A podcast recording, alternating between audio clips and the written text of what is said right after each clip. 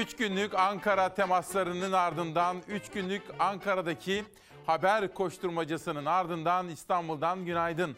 3 Mart 2022 Perşembe sabahında İsmail Küçükkaya ile Çalar Saat ailesi uyanıyor. Hakikat yolculuğuna başlıyor. Atmamız gereken adımları zamanında atmamız şart. Erteleyemeyiz veya yok sayamayız sorunları. Yoksa çok geç olacak. Zeytin ana gündem maddem.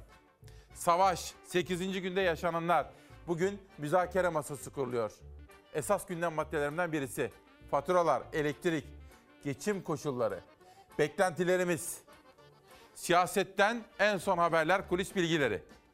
Altı liderin bir araya gelmesi, iktidar muhalefet neler söyledi? Gazetelerin manşetlerine neler yansıdı? Her birini konuşacağız. Türkiye'den ve dünyadan manşetleri aktaracağız. Yeni bir güne hazırız ve sizleri de bekliyoruz. Savaş Yıldız kardeşimden rica ediyorum gazetelerle manşet yolculuğumuz başlasın. Sözcü. İyi Parti lideri Akşener vatandaşın halini özetledi. Millet battaniye altında. Akşener millet zamlar yüzünden evde kaloriferi kapatıp battaniye ile oturuyor dedi ve eleştirilerini sıraladı. Bugün Demokrasi Meydanı'nda dünkü İyi Parti grup toplantı salonundan yansıyan manşetleri sizlere aktaracağım. Ayrıca dün Demokrasi Meydanı'na çıkan CHP lideri Kemal Kılıçdaroğlu sözleri bugün gazetelerde nasıl yansıdı ona da bakacağız. Kılıçdaroğlu Başbakan adayımız Akşener dedi. Bir soru üzerine, bir sorumuz üzerine eğer Millet İttifakı'nın liderleri adayımız siz olun derlerse ve bu konuda mutabakata varılırsa gayet tabii ki onur duyar ve aday olurum. Ama önemli olan Millet İttifakı'nın kazanması ve kazanmak için en uygun adayı seçmesidir dedi Kılıçdaroğlu. Sözcüden okuyorum. İsmail Küçükkaya'nın sorularını cevaplayan CHP lideri Kılıçdaroğlu önemli açıklamalar yaptı. Diğer liderlerin teklif etmesi halinde Cumhurbaşkanı adayı olabileceğini söyledi. Başbakan adayını da Akşener olarak tarif etti diyor CHP lideri Kılıçdaroğlu gündem olan sözlerinde. Günaydın. Öncelikle bugün Ankara'ya bir geçmiş olsun diyelim. Ama güzel bir geçmiş olsun bu. Kazasız belasız yollar da açık. Ankara'da kar var.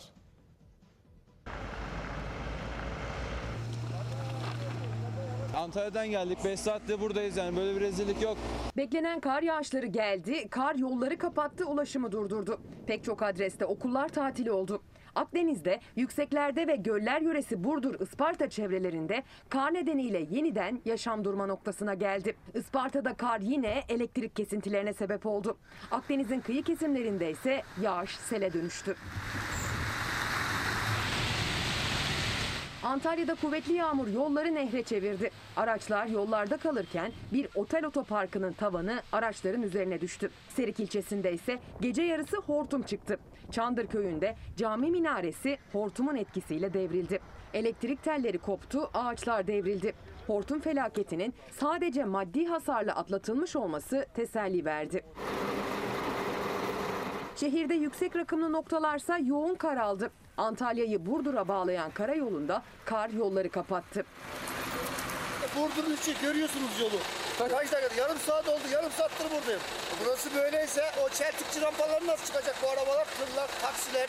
Burdur'da kar yağışının ardından ulaşıma kapanan Burdur-Antalya ve Burdur-Isparta karayolunda yaklaşık 3 saat boyunca hiçbir araç kıpırdayamadı.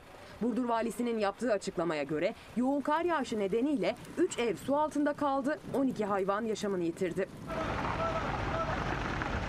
Antalya Denizli Karayolu'nda da kar nedeniyle ulaşım aksadı. Çift yönlü ulaşıma kapanan yolda sürücüler mahsur kaldı. 3 saat oldu burada mahsur kaldık gidemiyoruz ya. Şartlar çok kötü. Antalya'dan geliyoruz hazırlıksız yakalandık. Kar lastiğimiz de yok. Rezil olduk ya.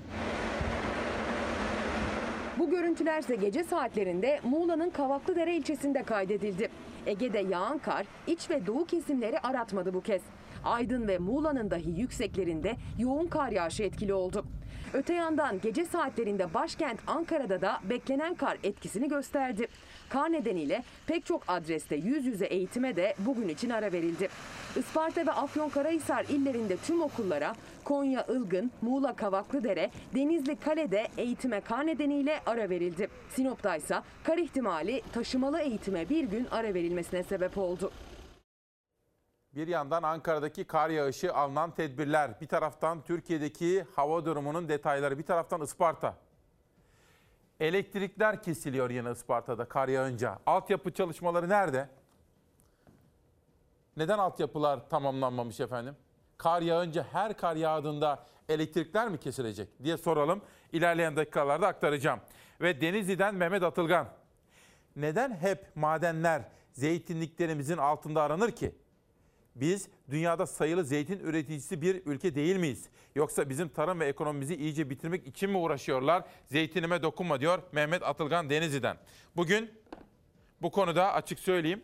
Hükümete ve bizzat Sayın Cumhurbaşkanı'na bir çağrıda bulunacağım ilerleyen dakikalarda. Çalar Saat gazetesini ve 3 ayrı kuşakta özel haberleri zeytinliklere ayırdık efendim. Demek ki zeytinlikler ve talana açılmamasını istediğimiz doğal güzellikler manşet olacak. Sözcüden hürriyete geçiyorum. Rusya artık yalnız dev. Evet gerçekten de Putin bir hata yaptı. Belki haklı olduğu hususlar vardı ama işgalci bir devlet durumuna düşürdü devletini. Batı ülkeleri Rusya'nın Ukrayna işgaline görülmemiş bir ekonomik operasyonda karşılık verdi. Rusya'nın en büyük bankası Siberbank Avrupa'dan çıkmak zorunda kaldı. Rusya boykotu öyle hızlı yayılıyor ki Apple'dan BP'ye, Ford'dan Google'a her sektörün dev şirketleri bu ülkedeki operasyonlarını satış dahil durdurdu.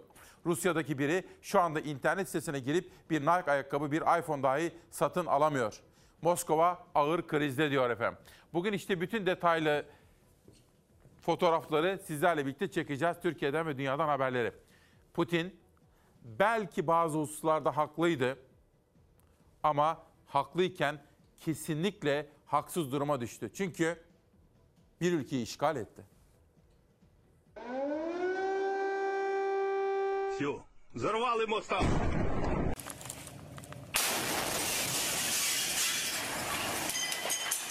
Askeri ve stratejik noktaları vurduğunu savunan Rusya yerleşim birimlerini de hedef almaya başladı. Gece saatlerinde Kiev'de merkezi ısıtma sistemlerini vurdu. Saldırıların ve şiddetinin dozunu arttırdı. Rusya'nın başlattığı savaşta 8. güne girildi. Savaşın başından bu yana 2000'den fazla sivil öldü. Okullar, apartmanlar hatta hastaneler bile saldırıların hedefi oldu. Gece saatlerinde yine Rus birliklerinin hedefinde Ukrayna kentleri vardı. Başkent Kiev'de, Harkov'da, Odessa'da sirenler çaldı. Rus ordusu yine Kiev'de birçok noktayı hedef aldı. Kentte dört büyük patlama sesi duyuldu. O saldırılardan birinin hedefinde ise Kiev'deki tren istasyonu yakınındaki merkezi ısıtma sistemleri vardı. 64 kilometrelik Rus konvoyu başkent Kiev'e doğru ilerlerken Ukrayna ordusu Rus birliklerinin kente girişini engellemek için köprüleri havaya uçurmaya başladı. Sivillerin de kaçışı hızlandı.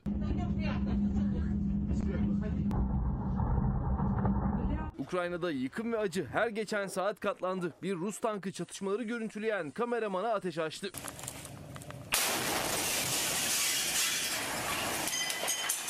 Rusya önceki gün Kiev'de ana radyo ve televizyon kulesini vurdu. Yıkımın boyutu dün gün ağarınca ortaya çıktı. Rus jetleri Jitomir çevresini de bombaladı. Vurulan yerler arasında doğumların gerçekleştiği tıp merkezi de vardı.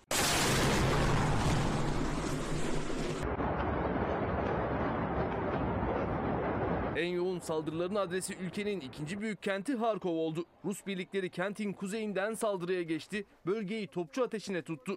Füzelerle dün emniyet binasını ve Karazin Üniversitesi'nin kampüsünü hedef aldı.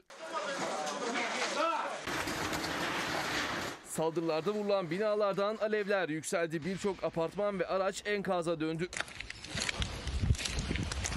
Sokaklar savaşın izlerine tanıklık etti. Yollara rastgele atılan roketler saplandı.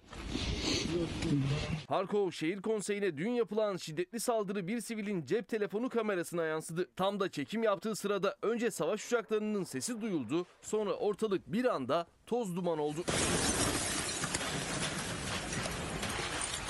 Rus güçleri başkent Kiev'in eteklerine kadar geldi. Karşılıklı çatışma sürerken Ruslar şehirden ayrılmak isteyen sivilleri ablukaya aldı ateş açtı.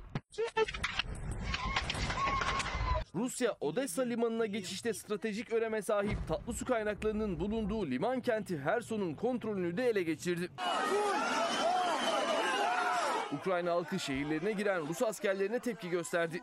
Konotop bölgesine gelen Rus askerleri el bombalarını göstererek kendilerini korumaya çalıştı. Savaşta bir hafta geride kalırken Rusya Savunma Bakanlığı bugüne kadar 498 Rus askerinin öldüğünü açıkladı. Ukrayna Devlet Başkanı Zelenski ise bir haftada 9000 Rus askerinin öldüğünü iddia etti.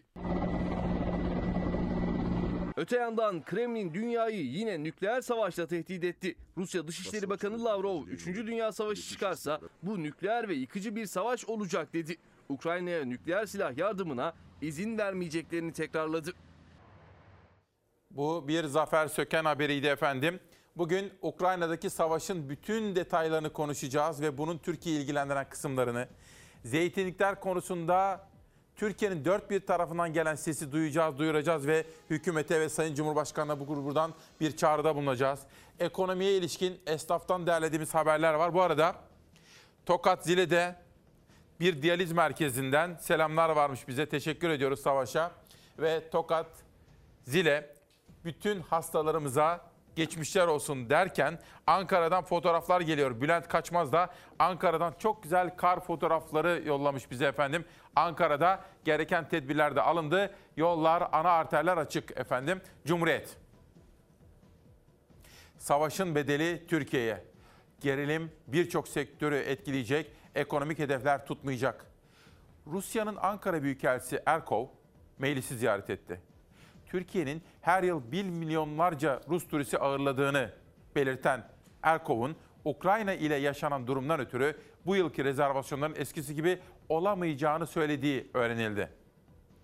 Turizm sektörü temsilcisi Karcılıoğlu, Rus turistten ümidi kestik, Avrupa'ya kaldık. Onlar da imaj sorunu sebebiyle bizi tercih etmezlerse turizmci bitmiş demektir dedi. Bu yıl 35 milyar dolarlık turizm geliriyle cari açığı kapatma hedefi de riske girdi diyor birinci sayfasından Cumhuriyet Gazetesi efendim. Gazetede ayrıca bugün farklı gazetelerde de var. Ana gündem maddelerimizden birisi olacak. Geçtiğimiz yıllarda yaptığımız gibi talana hayır diyeceğiz. Doğal hayatı savunacağız. Zeytin kutsaldır diyeceğiz. Bakın neden burada her zaman zeytin ağacı var efendim? Neden? Çünkü zeytin berekettir. Çünkü zeytin ölümsüzlük timsalidir efendim. Zeytinlime dokunma diyeceğiz bugün.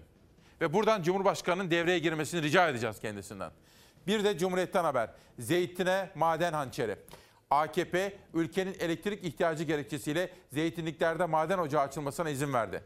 Zeytinliklerin madenciliğe açılmasına tepki gösteren İzmir Büyükşehir Belediye Başkanı Tunç Soyer, yürütmeyi durdurma davası açacağız dedi. Muğla Büyükşehir Belediye Başkanı Osman Gürün ise hukuk mücadelemiz sürecek ifadelerini kullandı diyor birinci sayfasındaki haberde. Neden böyle yapıyorlar efendim? Bu kaçıncı defadır deniyorlar. Enerji Bakanlığı bu uygulamayı getirmeye çalışıyor. Hükümetin burada toplumun bütün kesimlerinden yükselen sesi duymasını istiyoruz. Ve gerçekten de Cumhurbaşkanı'na sesleneceğim ilerleyen dakikalarda. Cumhuriyet'ten sabaha geçelim. Yer altına sığınan insanlık. Rus bombardımanı altındaki Kiev'de insanlar en derin metrolarda, en karanlık sığınaklarda yaşam mücadelesi veriyor. Gazete adına Uğur Yıldırım Kiev'e gitmiş ve izlenimlerini, fotoğraflarını okurlarıyla paylaşmış. Bir manşet daha rica ediyorum gazeteden. Evet, bu da sağlıkla ilgili bir manşet. Maske ve HES kalktı. Salgınla mücadelede yeni bir döneme geçildiğini söyleyen Bakan Koca 5 maddelik yeni kararları duyurdu. Artık açık havada maske kullanmak zorunda değiliz. Kapalı ortamda havalandırma yeterliyse ve mesafe varsa maske takmak şart değil. Ve içinde HES koduyla ilgili alınan kararın da olduğu özel haberimizi şimdi dikkatinize getiriyoruz.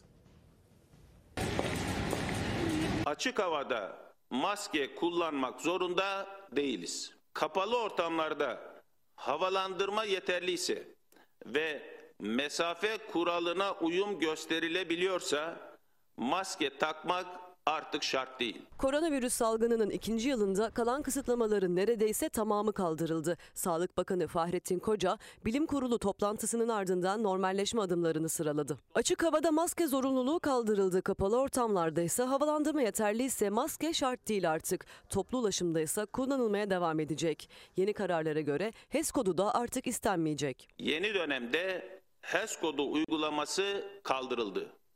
Hiçbir kurum ya da kuruluşa girişte HES kodu kontrolü yapılmayacak.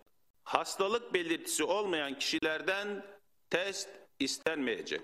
Okullarda iki vaka çıkması halinde sınıfın kapatılması şeklindeki uygulamayı artık gerek görülmemektedir. Pozitif çıkan öğrencinin izole edilmesi yeterli bulunacak Sağlık Bakanı Koca bir gün önceden sinyalini vermişti yeni adımların toplantı sonrası hemen hemen hiçbir kısıtlama kalmadı. Ancak omikron varyantı hızla yayılmaya devam ediyor. Bir günde 56.780 kişide Covid tespit edildi. 189 hasta hastalığa karşı verdiği savaşı kaybetti. Şükür ki normale dönüşün son aşamasına gelmiş bulunuyoruz. Kararlar mutlak bir mutabakatla alınmış kararlar değildir. Bilim insanlarımızdan henüz erken diyen ve bekleme taraftarı olanlar da var. Gelinen noktada hepimizin bilmesi gereken Covid-19'da mücadelenin bundan böyle bilhassa aşıyla verileceğidir. Sağlık Bakanı alınan kararlarda tam bir mutabakat olmadığının altını çizdi. Gece 12'den sonra uygulanan müzik yasağı içinse kararı bilim kurulunun almadığını hatırlattı. Üstü kapalı bir şekilde İçişleri Bakanlığı'nı işaret etti. Müzik yasa- yasayla ilgili doğrusu bilim kurulunun bu anlamda aldığı bir karar yoktu. Onun da ben yakın dönemde kalkacağı kanaatindeyim. Bu konuda Sabah gazetesinin haberini sundum ya sizlere. Bir gün gazetesinde de eleştirel bir manşet var bu konuya dair. Bu arada efendim ha, haberi de Beyza Gözyayık hazırladı sağ olsun. Bakın Putin'in bu hesap hatası ve işgalci ülke durumuna düşürmesinden sonra Rusya'nın başı dertte. Rus oligarkları yani milyarderler var efendim. Özellikle Londra'da, İsviçre'de Rusların milyarlarca dolarlık servetiyle günlü gün edenler var. Bizi de ilgilendiren bir haber. Rus oligarklar Friedman ve Aven Turkcell'in beşte birine sahip Letterman'ın yönetiminden çekiliyor diyor efendim. Bakın bu da oligarklarla ilgili Joe Biden'ın yaptığı açıklama vardı. Hatırlar mısınız? Dün Ankara'daki yayınımızda ne söylemiştik?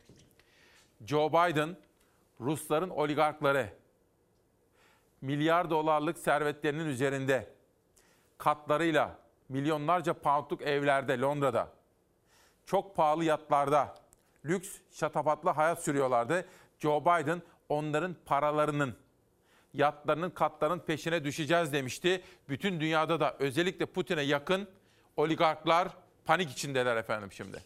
Sabahtan bir güne geçtim. Omikron kumarı. Paranın ve cehaletin iktidarı bilimi yendi. Sağlık Bakanlığı her gün 200 insanın öldüğü bir dönemde önlemleri sıfır seviyesine indirdi. Salgın kelimesinin kullanılmasını bile yasakladı diyor birinci sayfasındaki haberde. Bu haberde Profesör Doktor Feride Aksu ve Doçent Doktor Ali İhsan Ökten'le yapılmış röportajlar da yer almış birinci sayfada. Bizim görevimiz doğru bilgiyi vermek diyor Ökten Hoca efendim. Ve Çalar Saat özellikle AK Partili milletvekillerinin, AK Parti'nin teşkilatlarının, Cumhurbaşkanı Erdoğan aynı zamanda AK Parti'nin lideri olduğu için onun yakın çalışma arkadaşlarının kurmaylarının dikkatini çekmek boynumuzun borcudur. Vatandaş üzgün, kızgın, vatandaş uyarıyor. Bakın, zeytinime dokunmayın. Zeytin ağacının, ağaçlarının madencilik kapsamında kesilmesine izin veren yönetmelik değişikliğine tepkiler sürüyor. Ya güya diyorlar ki biz burada maden varsa bu zeytinlikleri taşıyacağız. Yapmayın efendiler, yapmayın.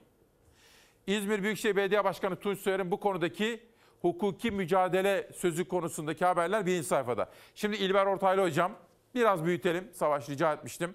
Orkun Özgül çizdi gazeteyi. Heh. Bilge tarihçimiz hocamız diyor ki Türkiye zeytinlikleri hiç de küçümsenecek miktarda değil. Daha doğrusu değildi. Çok ciddi tedbirler almazsak bırakın etrafa zeytin satmayı kendi ihtiyacımızı bile karşılayamayacak duruma düşeceğiz.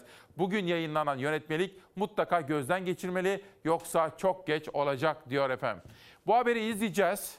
Dönüşte duyarlılığıyla hepimizin gönlüne giren Tarkan bu konuda acaba neler söyledi?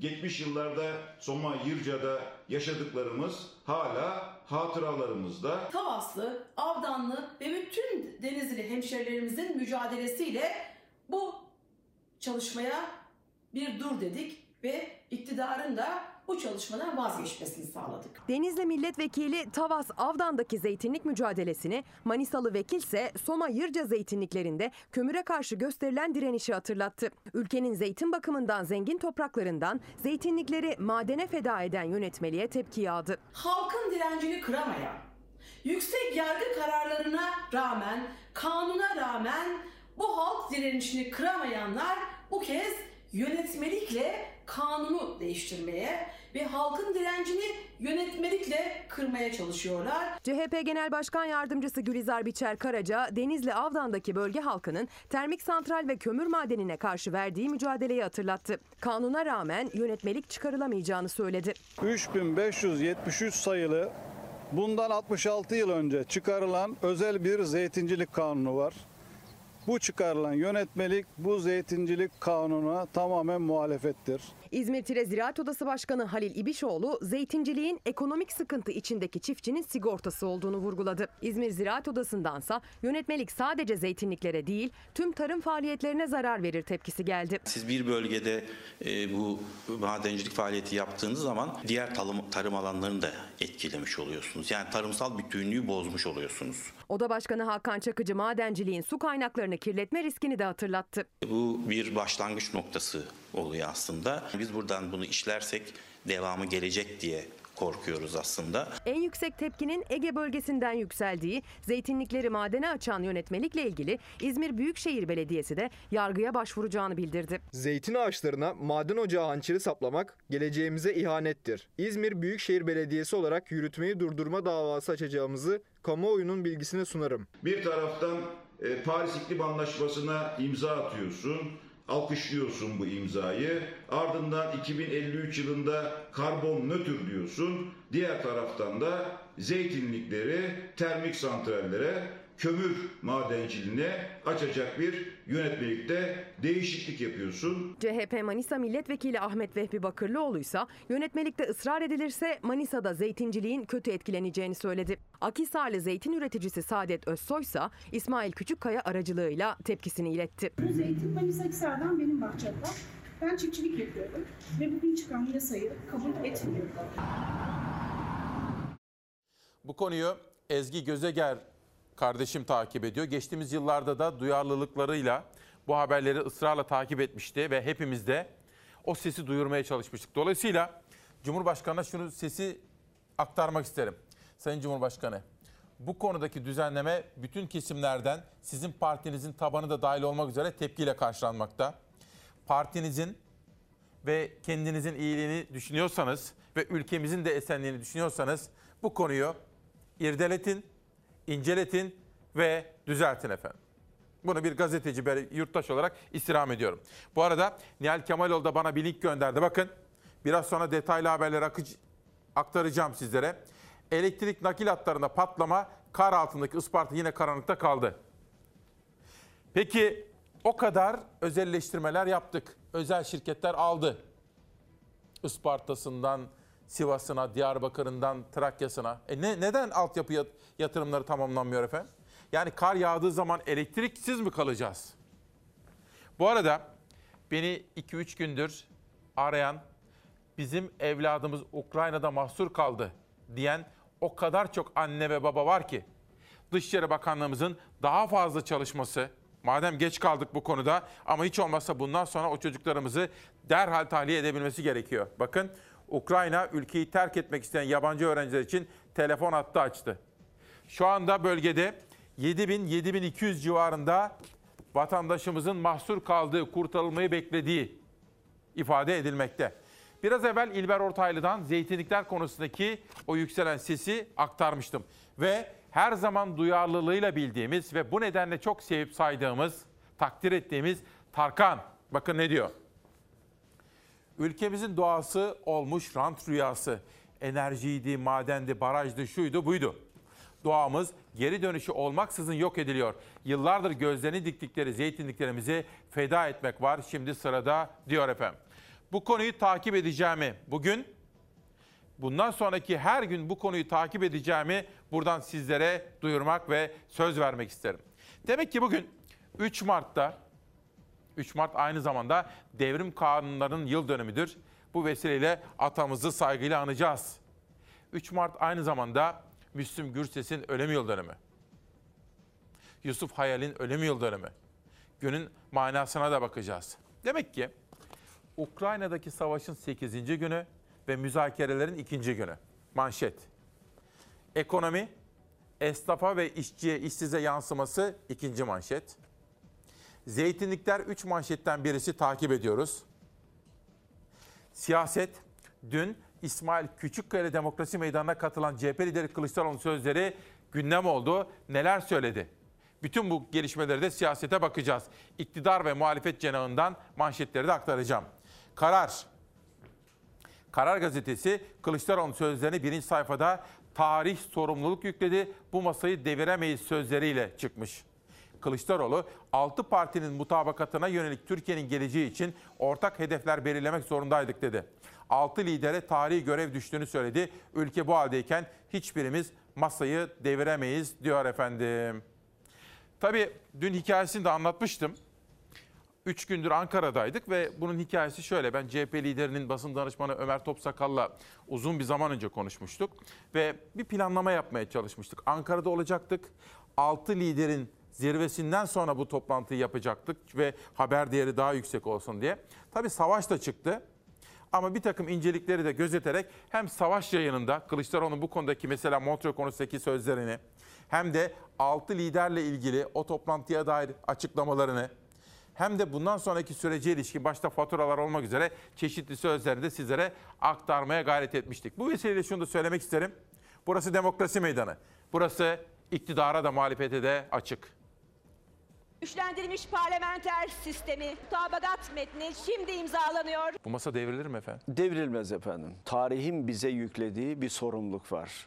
Ve biz bu sorumluluğun gereğini yapmak zorundayız. Burada A partisi B partisi yoktur. Bu imza atılarak bu iradelerde gösterildi. Eski korkuların, herkesin yorulduğu kısır çekişmelerin hakim olduğu Türkiye defterini kapatmak istiyoruz. Partili Cumhurbaşkanlığı sistemi ucubesinden kurtulmak için çok önemli bir adım attık. Muhalefet liderleri güçlendirilmiş parlamenter sisteme geçiş için kararlılık mesajları verirken CHP lideri Kemal Kılıçdaroğlu da 6 muhalefet partisinin oturduğu masa için bu masa devrilmez dedi. Tarihi sorumluluğumuz var vurgusuyla. Masayı bozmak istediler. E, Cumhur İttifakı'nın aktörleri ya laflar taşıyarak ya da yazılar yazarak bozmak istiyorlar. Ülke bu haldeyken hiçbirimiz bu masayı deviremeyiz. Korkunç rahatsızlar. Böyle bir şey beklemiyorlardı. Ayrılıklarımız olabilir, farklı görüşlerimiz olabilir. Her evde bile farklı görüşler ortaya çıkıyor ama bu evin dağılmasına yol açmıyor. Kılıçdaroğlu Fox Çalar Saat'te İsmail Küçükkaya'nın konuğuydu.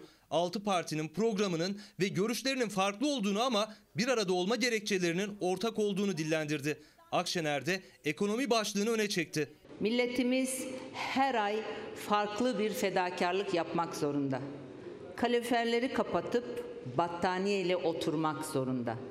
Ampulleri söndürüp karanlıkta kalmak durumunda. İşte bu nedenle 6 siyasi parti olarak çok önemli bir adım attık. Kazanılmış haklarını kaybetmekten korkanların bu korkuları yüzünden adaletsizliğe ve çürümüşlüğe razı edilmek istenenlerin buna mecbur olmadıklarını göstermek için o masadaydık. Biz ülkeyi aydınlığa kavuştururuz. Ondan sonra her parti kendi yoluna daha rahat gidebilir. Şu aşamada biz demokrasiyi inşa etmeden, hukuku inşa etmeden ayrılırsak e, bu yanlış olur. Zaten liderlerin de böyle bir niyeti yok. 6 partinin ikinci kez bir araya gelerek güçlendirilmiş parlamenter sistem mütabakatını imzalamasının ardından merak edilen bir diğer başlıkta Cumhurbaşkanlığı adaylığı. Kılıçdaroğlu birlikte karar vereceğiz dedi. Ben Cumhurbaşkanı olacağım demekle bu iş olmuyor. Cumhurbaşkanı adayının devlet aklının ne olduğunu bilmesi lazım.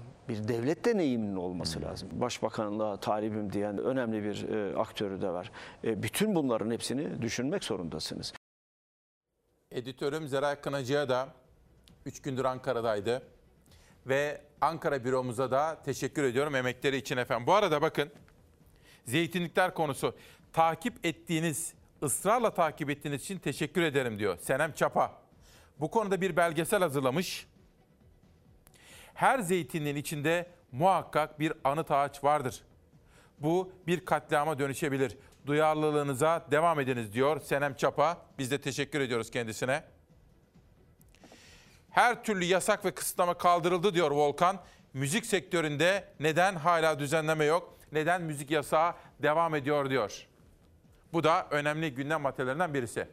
Ve Pencere gazetesi Kılıçdaroğlu başbakan adayını açıkladı manşetiyle çıkmış.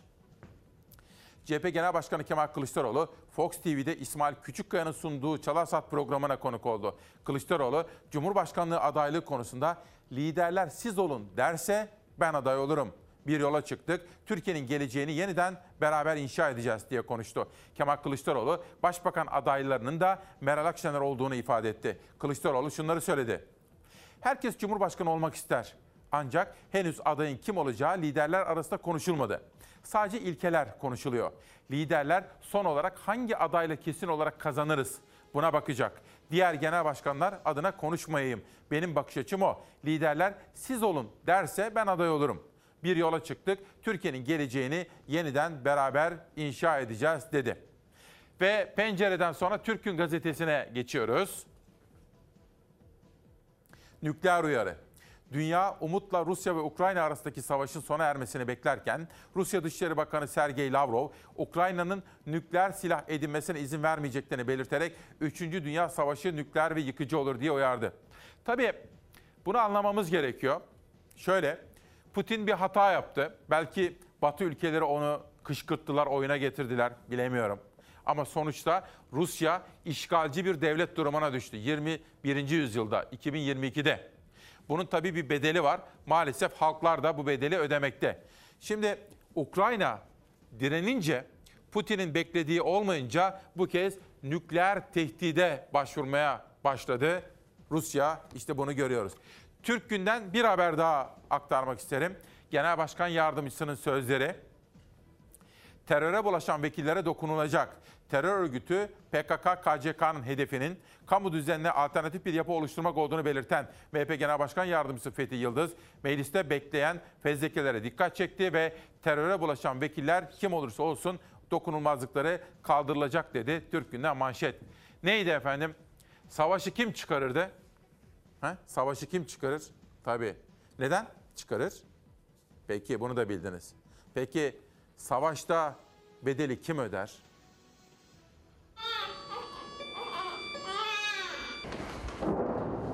Küçücük elleri yeni açtığı gözleriyle bombardıman sesini bir an olsun bastırdı. Mariupol'deki hastanede yeni doğan bebeğin sesi çınladı. Ukraynalı annesi kokusuna doyamadan bebek göğsünden alındı. Yine bomba sesleri altında hızla sığınağa taşındı. Onlar şiddeti yaşarken esir düşen bir Rus askerine gösterilen şefkat dünyaya bir kez daha insanlığın ölmediğini kanıtladı.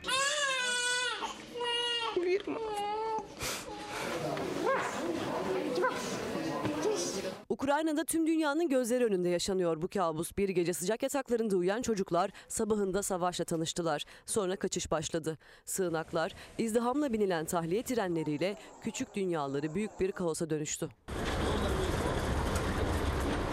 Kiev'deki doğum hastanesinde çalışan sağlıkçılar korkusuzca görevlerini yapıyor, hastaneyi terk etmiyorlar. Dün iki bebeğin daha savaşa gözünü açtığı hastanede 28 hamile yatıyor. Doğacak bebekleri için duydukları endişeyle. Bombalar bazı aileleri parçaladı ayrı düşürdü. Bu Ukraynalı baba eşini ve çocuğunu otobüsle güvenli bir noktaya gönderdi. Uzun uzun otobüsün gidişini seyretti. Gözünde yaşlarla ve yeniden kavuşmanın umuduyla.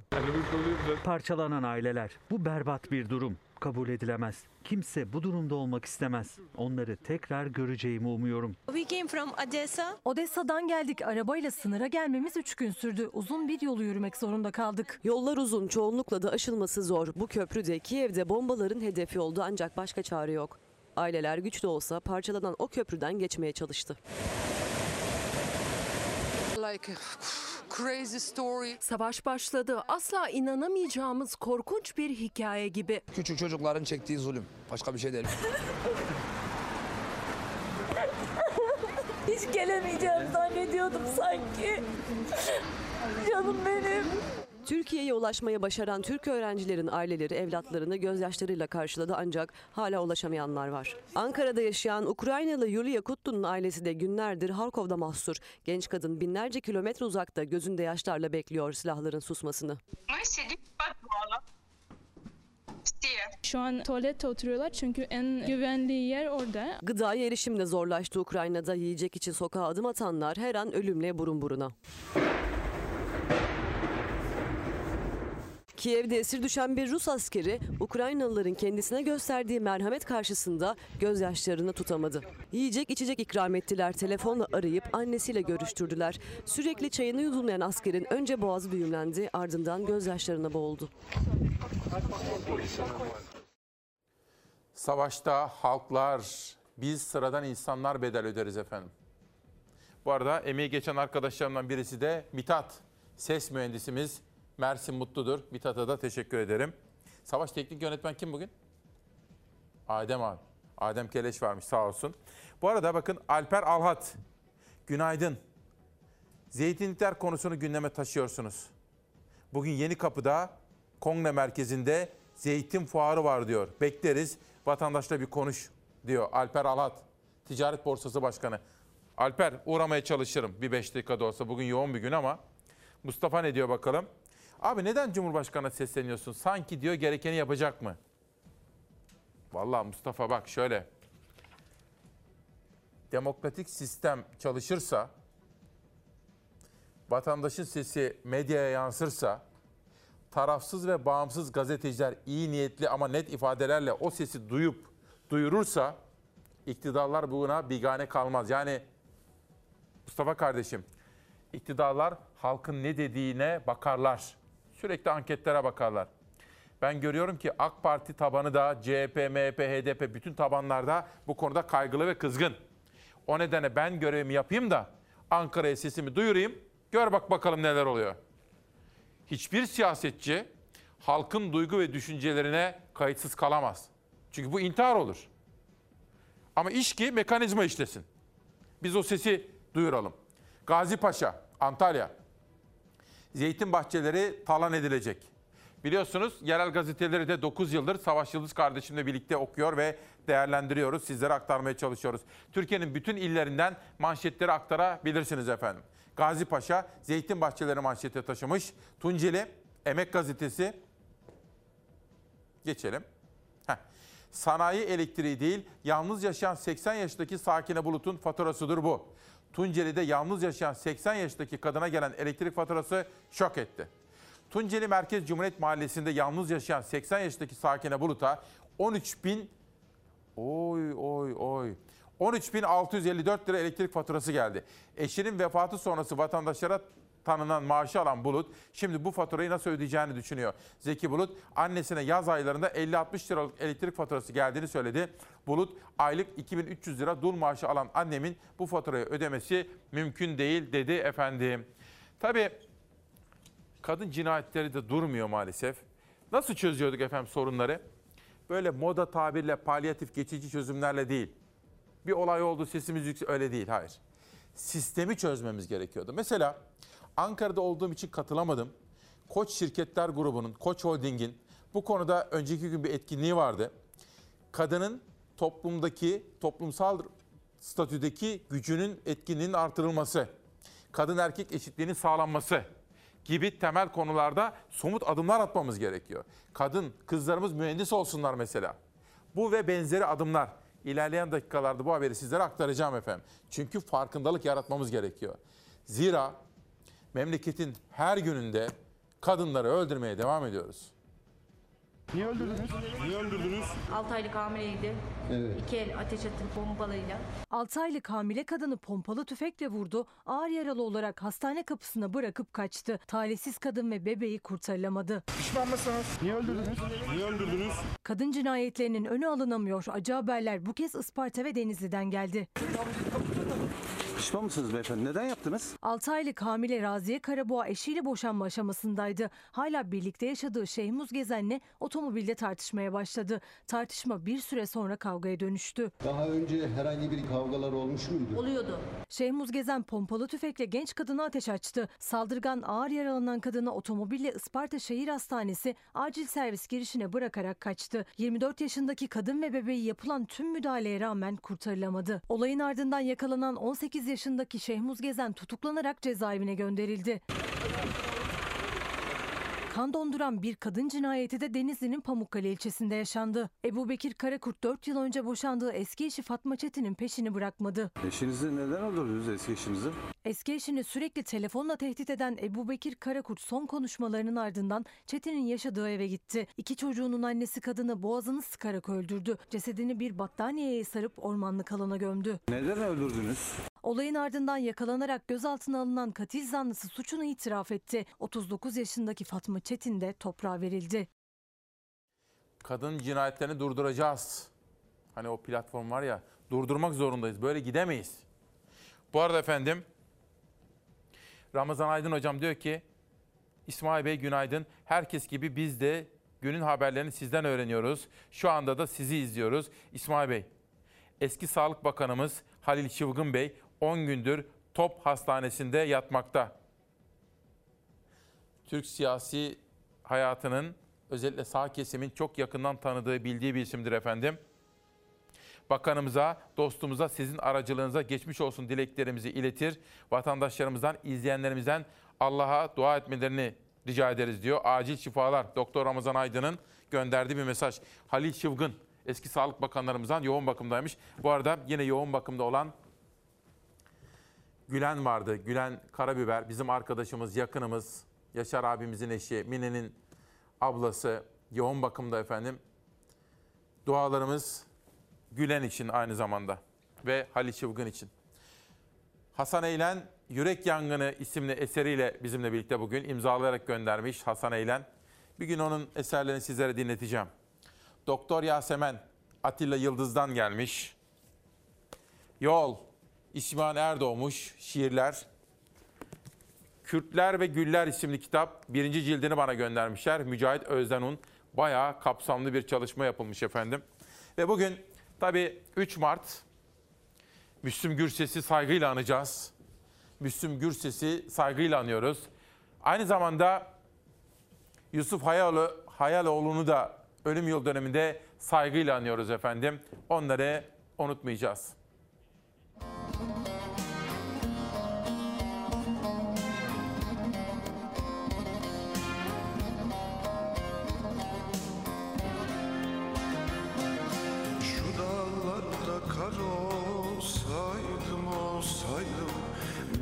Asil rüzgar olsaydım olsaydım Şu dağlarda kar olsaydım olsaydım Bir asil rüzgar olsaydım olsaydım Arar bulur muydun beni beni?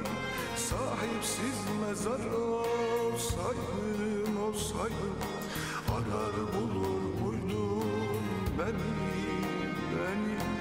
Sahipsiz mezar olsaydım olsaydım Arar bulur muydun beni beni? Sahipsiz mezar olsaydım olsaydım Arar bulur muydun beni beni?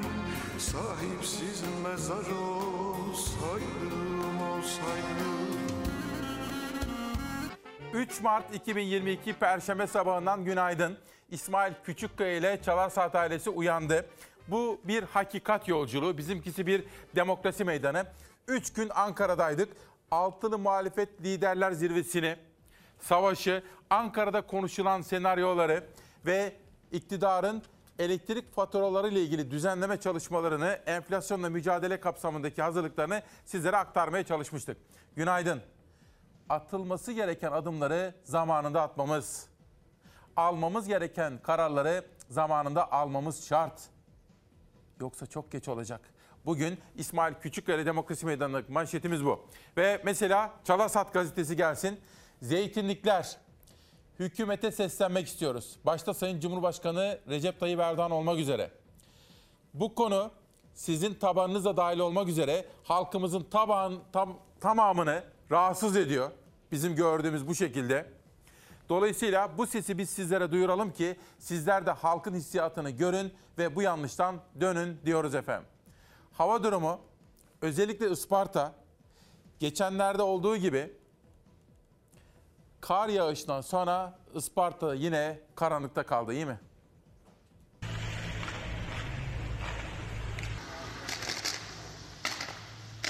Kar yağdı, yine elektrik kesintileri yaşandı. Gece saatlerinde kıvılcım saçan elektrik tellerinin görüntüsü yine Isparta'da kaydedildi. Isparta ve Afyonkarahisar'dan geldi elektrik kesintisinin haberi.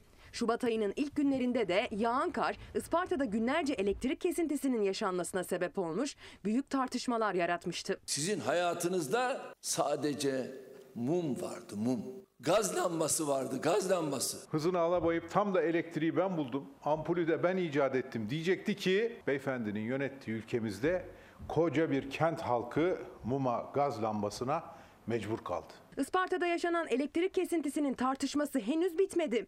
Elektriğin özelleştirilmesine yönelik sert eleştiriler gündemdeki tazeliğini korurken Isparta'ya yeniden kar yağdı ve elektrik tellerinin ateş saçan görüntüleri yerel haber siteleri tarafından kamuyla paylaşıldı.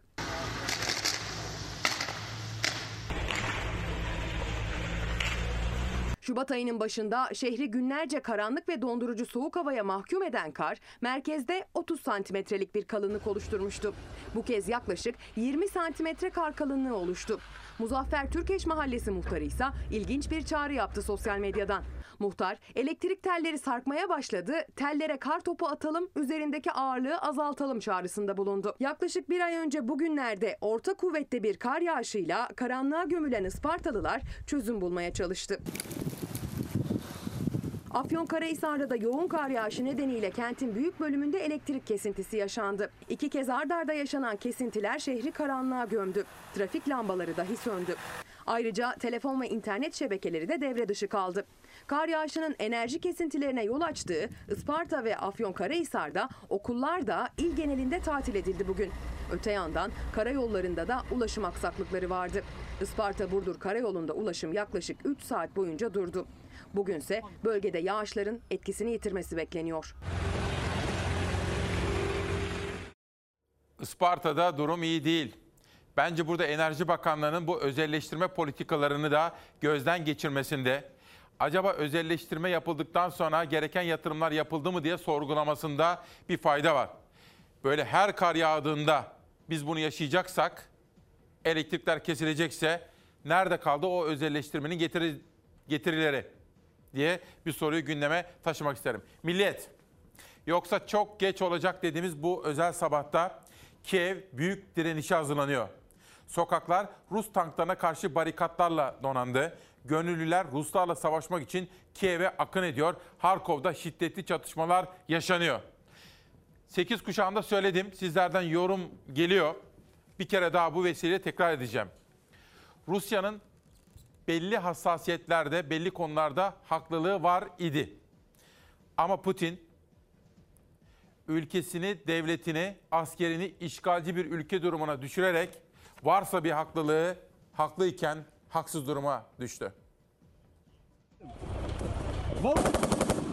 Biz tek tek bu yaptırım kararlarını inceliyoruz. Ekonomimize etkisi nedir? Enerji arz güvenliğimize o etkisi ne olacaktır? Hava sahası dahil. Bu tür yaptırımlara her zaman ilkesel olarak katılmadık. Katılma eğilimimiz de yok. Ukrayna'yı Avrupa Birliği'ne alma süreci. Ukrayna ile ilgili gösterdiğiniz hassasiyeti lütfen Türkiye için de gösterin. Türkiye'ye de birileri savaş açıp saldırdığı zaman mı Türkiye'yi gündeme alacaksınız? Cumhurbaşkanı Erdoğan Avrupa Birliği'ne seslenirken Batı'nın Rusya'ya uyguladığı yaptırım kararlarına karşı iktidar Türkiye'nin tavrını net koydu. Dışişleri Bakanı Çavuşoğlu yaptırımlara katılmayacağız dedi. İyi Parti lideri Akşener tam aksine Rusya'ya yaptırım vakti diye ses yükseltti. Putin haddini aşmıştır. Vakit boş laf değil, yaptırım vaktidir. Vakit çekimser kalma değil, zalimin karşısında dik durma vaktidir. Kaderini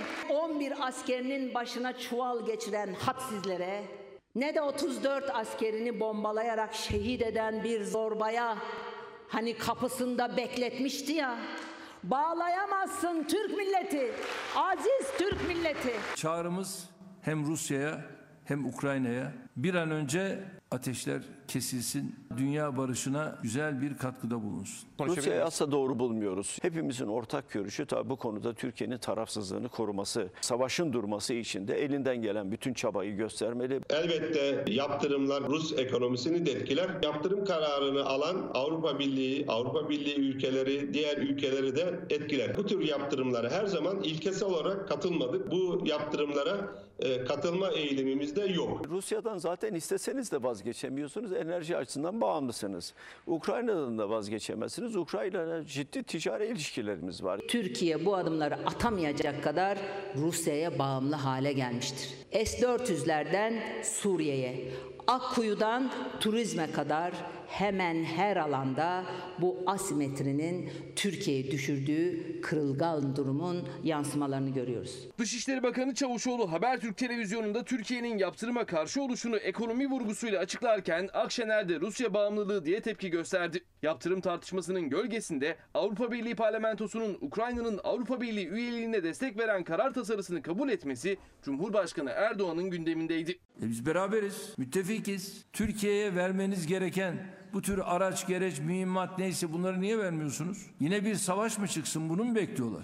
Bunlar samimi değiller. NATO üyeleri de sadece laf üretiyor. Avrupa Birliği üyeleri de laf üretiyor. Ey Batı, ey NATO diye çıktıkları yolda dünün eş başkanları bugünün matruşka bebeği olma hevesine kapılmışlardır. Putin'in kafasındaki Rusya'nın eksik parçalarının Kars, Erzurum ve Ardahan olmadığını kim rahatlıkla söyleyebilir? Ankara'nın Rusya'ya yaptırım yok kararı siyasetin sıcak gündemi. İsmail Küçükkaya ile Çalar Saat'in konu olan CHP lideri Kılıçdaroğlu iktidarı Rusya ile kurulan ekonomik ilişkiler üzerinden eleştirdi. Bir ülke kendisini enerji açısından bir başka ülkeye bağımlı hale getiremez. İşte yarın Rusya ile çatıştığımızda şalteri indirdiğinde e, perişan olacağız. Evet. Şimdi efendim bugün 3 Mart ya. 3 Mart büyük atamızın, Cumhuriyetimizin devrim kanunlarının yıl dönümüdür. Dolayısıyla bu vesileyle ülkemizi ve devletimizi kuranlara, ülkemizi, yurdumuzu, vatanımızı düşman işgalinden kurtaranlara ve bize medeni bir hayatı sunanlara, bizleri getirdikleri cumhuriyet vasıtasıyla bir padişahın, bir saltanatın kulu olmaktan kurtarıp demokratik bir cumhuriyetin, modern bir devletin eşit haklara sahip yurttaşları yaptıkları için başta Gazi Mustafa Kemal Paşa, Atatürk, İsmet Paşa, İsmet İnönü olmak üzere bütün milli mücadele kahramanlarımızı saygıyla anıyoruz devrim kanunlarının yıl dönümünde. Ali Ayaroğlu meslektaşımız. İsmail kardeşim günaydın. Bugün büyük facianın 30. yıl dönümü. Zonguldak Kozlu'da kömür madenciliği tarihinin en büyük felaketinde yitirdiğimiz 263 madencimizi sizlerin de aracılığı ile saygı ve minnetle anıyoruz.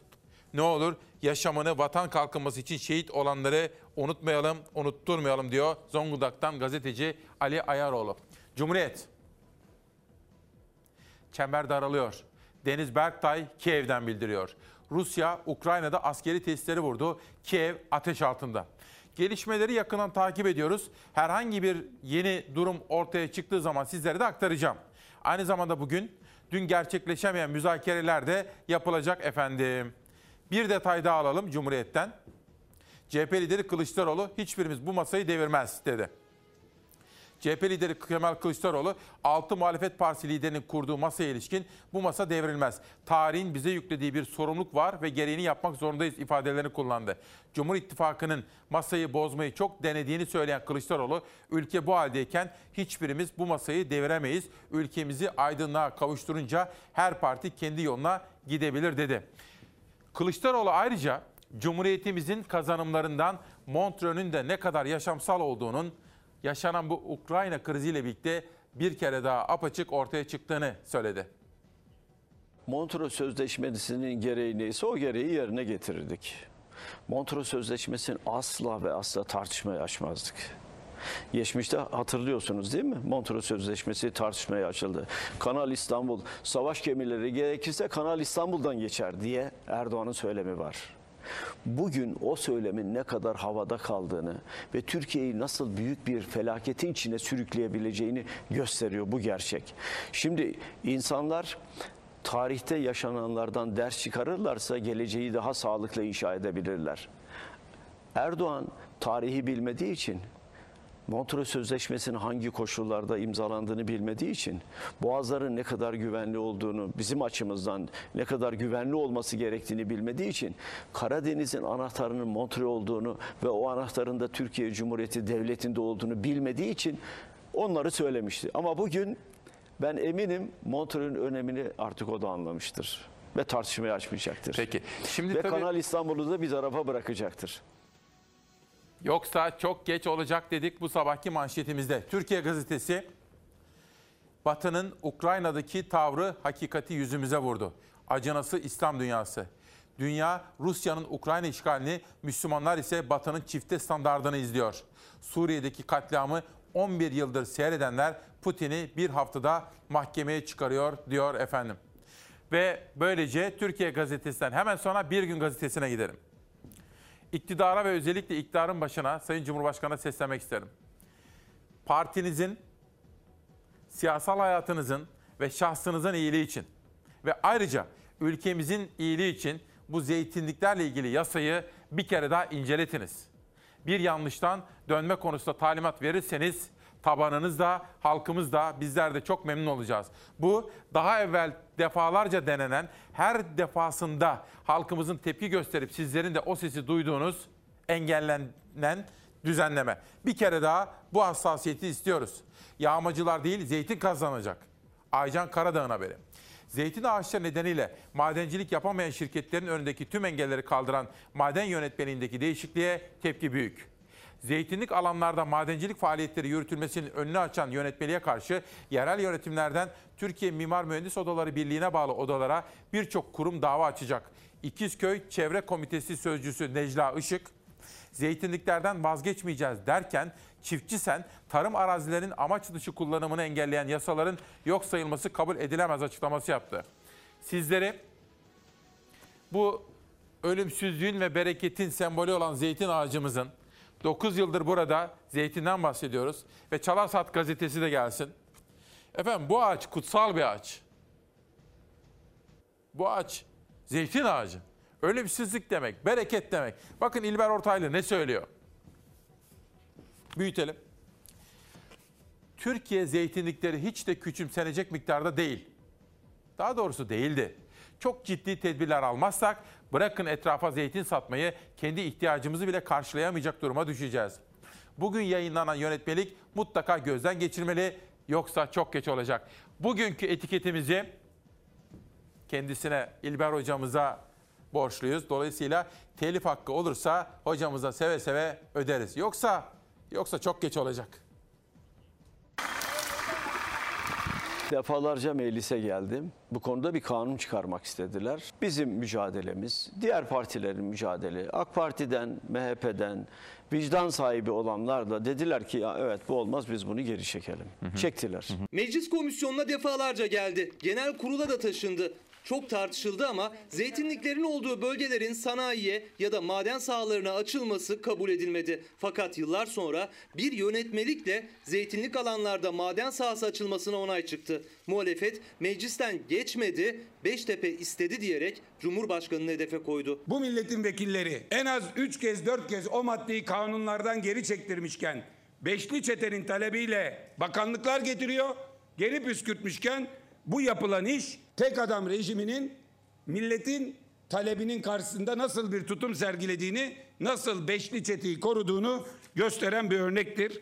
Bakıyorum masada zeytin dalları var. Zeytine kıymayın diyoruz. Sayın Umarım zeytinleri efendim siz kıymışsınız. Kıymayın, kıymayın Bakın siz kıymışsınız, kırmışsınız zeytin dallarını. Kesemezsiniz arkadaş. Zeytin arazilerini kesip kıyı arazilerini yağmalattıramazsınız. İktidar muhalefet geçmişte karşı çıkmıştı. Hatta 2017'de komisyonda tüm partilerin desteğiyle oy birliğiyle reddedildi. Oy birliğiyle tasarıdan çıkarılmıştır. AK Parti'nin Balıkesir, Muğla milletvekilleri gidip genel merkezlerine yöneticilerinden konuştular. Bu madde çekilmelidir. Çok tepki geliyor. Zeytinliklerini koruyan kanunlara saldırılsın istemiyor deyip çekildi. Bu ne demek? Altı kere raporu geçen birisi reddet. Çoğu zamanda muhalefet iktidar karşı karşıya geldi. O günlerde meclisten geçmedi ama Enerji ve Tabi Kaynaklar Bakanlığı maden sahası yönetmeliğinde yaptığı değişiklikle zeytinlikleri maden sahasına dahil etti. Enerji sıkıntısını gerekçe göstererek. Parlamentodan çıkamayan bir kanunu bir yönetmelik yaparak yönetmeliği değiştirerek getirdiler. Zeytine saygı duyun ya. Muhalefet meclis onay vermedi. Enerji Bakanlığı eliyle zeytinlikleri maden şirketlerinin kullanımına açtılar diyerek tepki gösteriyor. CHP tartışılan yönetmeliği yargıya taşıyacak. Bakın efendim burada Türkiye'nin en çok izlenen en etkili programında, en etkili programlarından birinde halkın sesini yansıtmaya çalışıyorum.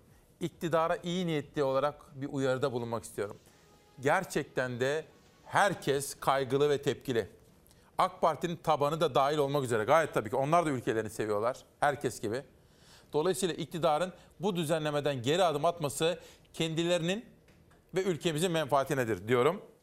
Bu arada Halil Çılgın erken saatlerde duyurmuştum. Kızıyla da Lale bizim meslektaşımızdır. Lale ile de konuştum. Halil Çılgın eski bakanlarımızdan 10 gündür yoğun bakımdaymış efendim. Dualarınızı bekliyoruz. Ve Halil Çılgın'a da geçmişler olsun diyorum. Nazan Moral hocam diyor ki 3 Mart 1924'te kabul edilen 3 devrim yasası ile demokratik, laik, ulus devletin ve eğitimde birliğin temelleri atılmıştır. Kazanımlarımızdan vazgeçmiyoruz. Yoksa çok geç olacak demiş insan hakları aktivisti Nazan Moroğlu hocamız. Çukurova gazetesi Adana Büyükşehir ekmekte direniyor. Dün Adana Büyükşehir Belediye Başkanı ile konuştum. Bir e, açılışları vardı ama maalesef çok yoğunum. Başka programlarım da var katılamayacağım ama özellikle Pırıl Bilici Hanım'ın öncülük ettiği Slow Food hareketi var. Sizlere bir keresinde bahsetmiştim. Hafta sonunda etkinlikleri var. Gidemeyeceğim ama takip edeceğim. Gerekli organizasyonları yaptım. Slow Food'dan, gıdadan, narenciyeden, sağlıklı beslenmeden, tarımın öneminden bahsedeceğim efendim. Pırıl Bilici'ye de, Zeydan Karalar'a da buradan sözüm olsun. Adana Büyükşehir Belediyesi ekmek satış büfeleri önünde 1 lira 25 kuruştan satılan ekmeği vatandaşlar almak için erken saatlerde kuyruğa giriyor. Adana Büyükşehir Belediyesi Ulaşım AŞ Yönetim Kurulu Başkanı Kadir Özdemir şu anda maliyetlerin çok altında Adanalılara ucuz ve kaliteli ekmek yediriyoruz. Şu an zam yapmamak için direniyoruz dedi. Adana'dan bir sonraki gazetemize geçelim. Damga, İstanbul depremi her an olabilir. Deprem haftası nedeniyle düzenlenen toplantıda konuşan Boğaziçi Üniversitesi Kandilli Rasathanesi ve Deprem Araştırma Enstitüsü Müdürü Profesör Doktor Haluk Özener Türkiye'yi uyarıyor. Özellikle İstanbul depreminin her an olabileceğine dikkat çekiyor efendim. Bir de Batman'a geçelim. Çağdaş Gazetesi'nde Batman'ın yetiştirdiği büyük bir sanatçı, dünya çapındaki Ahmet Güneştekin. Yerel basına sahip çıkıyor Ahmet. Yerel basın bir kentin vicdanıdır diyor. Çağdaş'ın 39. yıl dönemini kutlamış. Batman'ın ilk günlük gazetesi Çağdaş'ın 39. yıl dönemini kutlayan uluslararası sanatçı Ahmet Güneştekin, yerel medyanın önemine değindi ve ekledi. Yerel basın bir kentin vicdanı ve objektif hafızasıdır. Gerçekten de biz 9 yıldır her sabah yerel gazeteleri sizlerle paylaşmaktan çok onur duyuyoruz. Bu bizim en önem verdiğimiz bölümlerden birisi. Akşam yine zam gelecek. Her şeye zam, zam, zam, zam. Bilemiyorum ki bunun sonu, bilemiyorum bunun sonu nereye varır? Bu seviyeyi sanırım 2014'te gördük. Gelinen nokta artık en son zirve noktası. Artık günlük artıyor. Şimdi geldim arabanın deposu boş. 300 liralık alsam kaç gün idare edebilirim? Fullesek dedim 700-800 liraya geçiyor. Yarın olmadan dedim bugünden gidip alayım. Petrol fiyatları son 8 yılın zirvesine çıktı. 120 dolara doğru ilerlemeye başladı. Rusya'nın Ukrayna'ya saldırıları başladığında 98 dolardı. Savaşın 8. gününe girilirken Brent petrol 117 dolara dayandı. Benzine de motorine de yeni zamlar geldi. Gece yarısından itibaren 88 kuruş zamla benzinin litresi 17 lira 43 kuruşa çıktı. Motorine gelen zamsa 1 lira 51 kuruş. Litresi 17 lira 59 kuruşa yükseldi. Yani böyle bir fiyat olamaz. Yani LPG bile 10 lira. Ama şu anda bir bakıyorsun benzinden hiçbir farkı yok. Aynı diğer petrol ürünleri gibi doğrudan ithal ettiğimiz bir ürün. Aşağı yukarı %90 doğrudan ithal ediyoruz. Yani bu da bir ithal ürün olduğu için benzinden motorinden pek farkı yok. Dışa bağımlılıkta farkı olmadığı gibi fiyatı da benzin ve motorin gibi çok yükseldi LPG'nin. Savaş nedeniyle Avrupa'da gaz fiyatları %27 yükseldi. LPG'ye 2 gün üst üste toplam 94 kuruş zam geldi. Litresi 10 lirayı aştı. LPG'nin tercih edilmesinin sebebi daha az maliyetli olması, daha çok yol yapması ama şu an onun da pek bir farkı kalmadı insanlar için. Ha benzin, ha dizel, ha LPG yani şu an pek bir farkı yok. Dünyada artan petrol fiyatlarının bize yansıması ucuz diye tercih edilen LPG'yi bile 10 liranın üzerine çıkardı. Son iki gündür üst üste gelen zamlarla birlikte LPG 10 lira 5 kuruş olarak tabelada yerini aldı. Ne diyeyim yani ben her gün zam geliyor. Aylık 200-250 lira yakıyordu şu. Şu anda iki katına üç katına çıktı. Ticari araba bu. Normalde benim kendi arabam var ben kapının önüne koydum.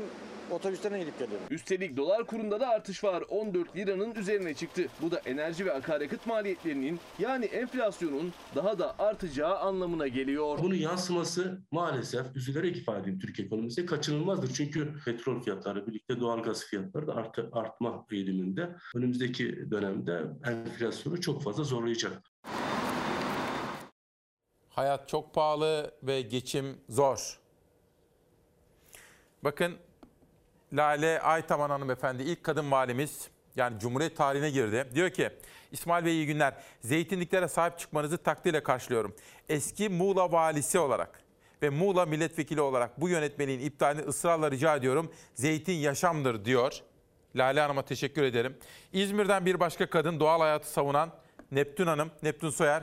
İsmail Bey günaydın. Sizin arkanızda duran hiç vazgeçmediğiniz o ölümsüz zeytin ağacı bu kararı durduracak, bu yanlışı durduracak. Buna inanıyorum. Ki iyi ki siz onu her gün bizimle buluşturuyorsunuz. Neptün Soyer'e de İzmir'e de selamlar olsun diyorum efendim. Teşekkürler. Dünya gazeteleri Financial Times. Rusya'nın Ukrayna'nın şehirlerine saldırıları ile ilgili haberler birinci sayfada. Şimdi bakın Rusya artık kabul etti. 500 civarında askerini kaybetmiş. Ama Ukrayna bunun aslında 7 bin olduğunu söylüyor. Ama Rusya'nın resmen kabul ettiği 500 Rus askeri bu işgalde ölmüş. Ve bütün bu gelişmeler piyasalarda özellikle akaryakıt piyasasında fiyatları uçurdu. Fakat şu bakın ne kadar çarpıcı, ne kadar dramatik bir şey. Mülteci krizi bu yaşadığımız ama diyorlar ki 100 yılın en büyük mülteci krizi. 870 bin kişi kaçmış. E dedim Suriyelileri nereye koyuyorlar? Suriyelileri insandan saymıyorlar mı diye de bir soru aklıma geldi. Efendim Putin bir hata yaptı.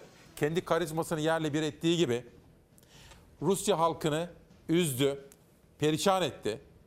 Dünyadaki Putin ve Rusya imajını da işgalci bir ülke durumuna düşürerek kendisini ve ülkesini paramparça etti.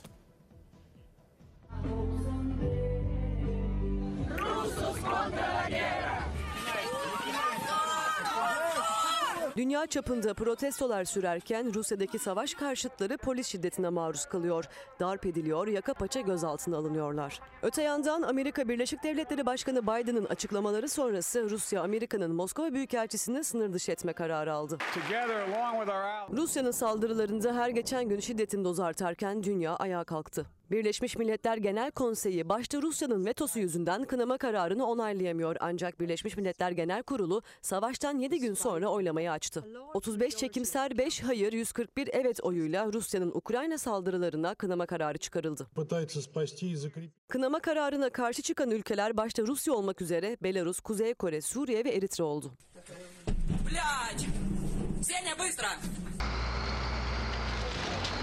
Kınama kararı uluslararası toplumun dinlenmesi, Birleşmiş Milletler tüzüğüne uyulmasını içeriyor. Ancak onaylanan tasarı her gün şiddetin dozunu artıran Putin'i işgalden vazgeçirir mi? Bu pek muhtemel görünmüyor.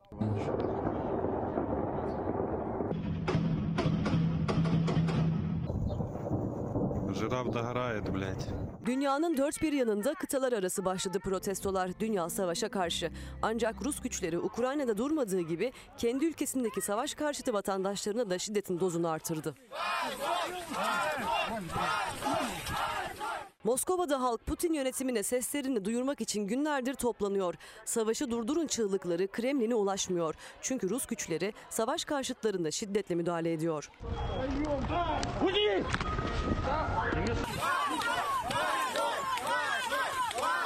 Yaka paça gözaltına alınıyorlar, darp ediliyorlar. Savaş karşıtı olan kim olursa olsun polisler tarafından şiddete maruz kalıyor. Bir anne en küçüğü 7 yaşında olan 5 çocuğunun demir parmaklıklar arasındaki görüntüleri Rus polisinin yaşattığı dehşeti gözler önüne sardı.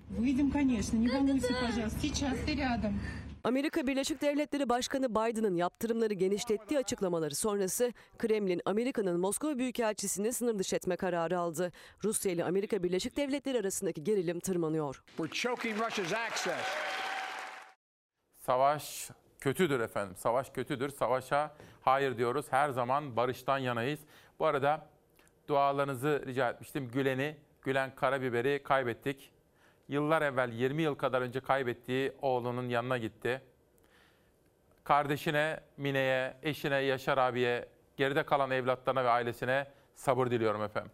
Ne yapıyorduk böyle zor zamanlarda? Savaş zamanlarında hayat üzerimize böyle abanırken, nefes alamayacak gibi olurken, umutsuzluğa kapılacak gibi olurken toparlamak için ne yapıyorduk efendim? Nefes almak için, yaşadığımızı hissetmek için sanata başvuruyorduk. Uluslararası çapta bir sanatçı. Sizlere daha evvel birkaç kere bahsetme imkanı bulmuştum. Ve kendisini davet ettim. Çünkü bugünlerde yoğun bir çalışma içinde Fazıl Say'la İzmir'de günlerdir çekim yapıyorlardı. Kayıt yapıyorlardı. Fazıl Say'dan da bahsetmiştim sizlere. Flüt sanatçısı Bülent Evcil. Uluslararası çapta bir sanatçımızdır. Sizlerle tanıştırmaktan onur duyuyorum. Hoş geldiniz. Hoş bulduk İsmail Bey. Nasılsınız? Çok teşekkür ederim. Sağ olun. Siz nasılsınız? Çok teşekkürler. Şimdi efendim kendisi İstanbul Senfoni Orkestrası'nda, İstanbul Devlet Senfoni Orkestrası'nda flüt bölümünün başkanı mı diyoruz?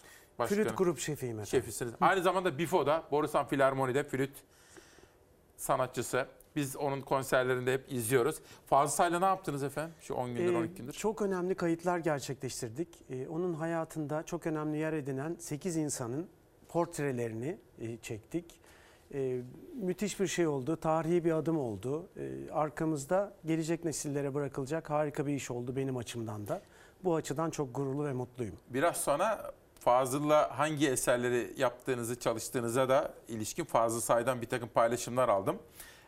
İlerleyen dakikalarda aktaracağım. Ama şimdi efendim şöyle milyonlarca insanın yüreğine bir şey üfleyelim mi efendim? Zevkle. Buyurun.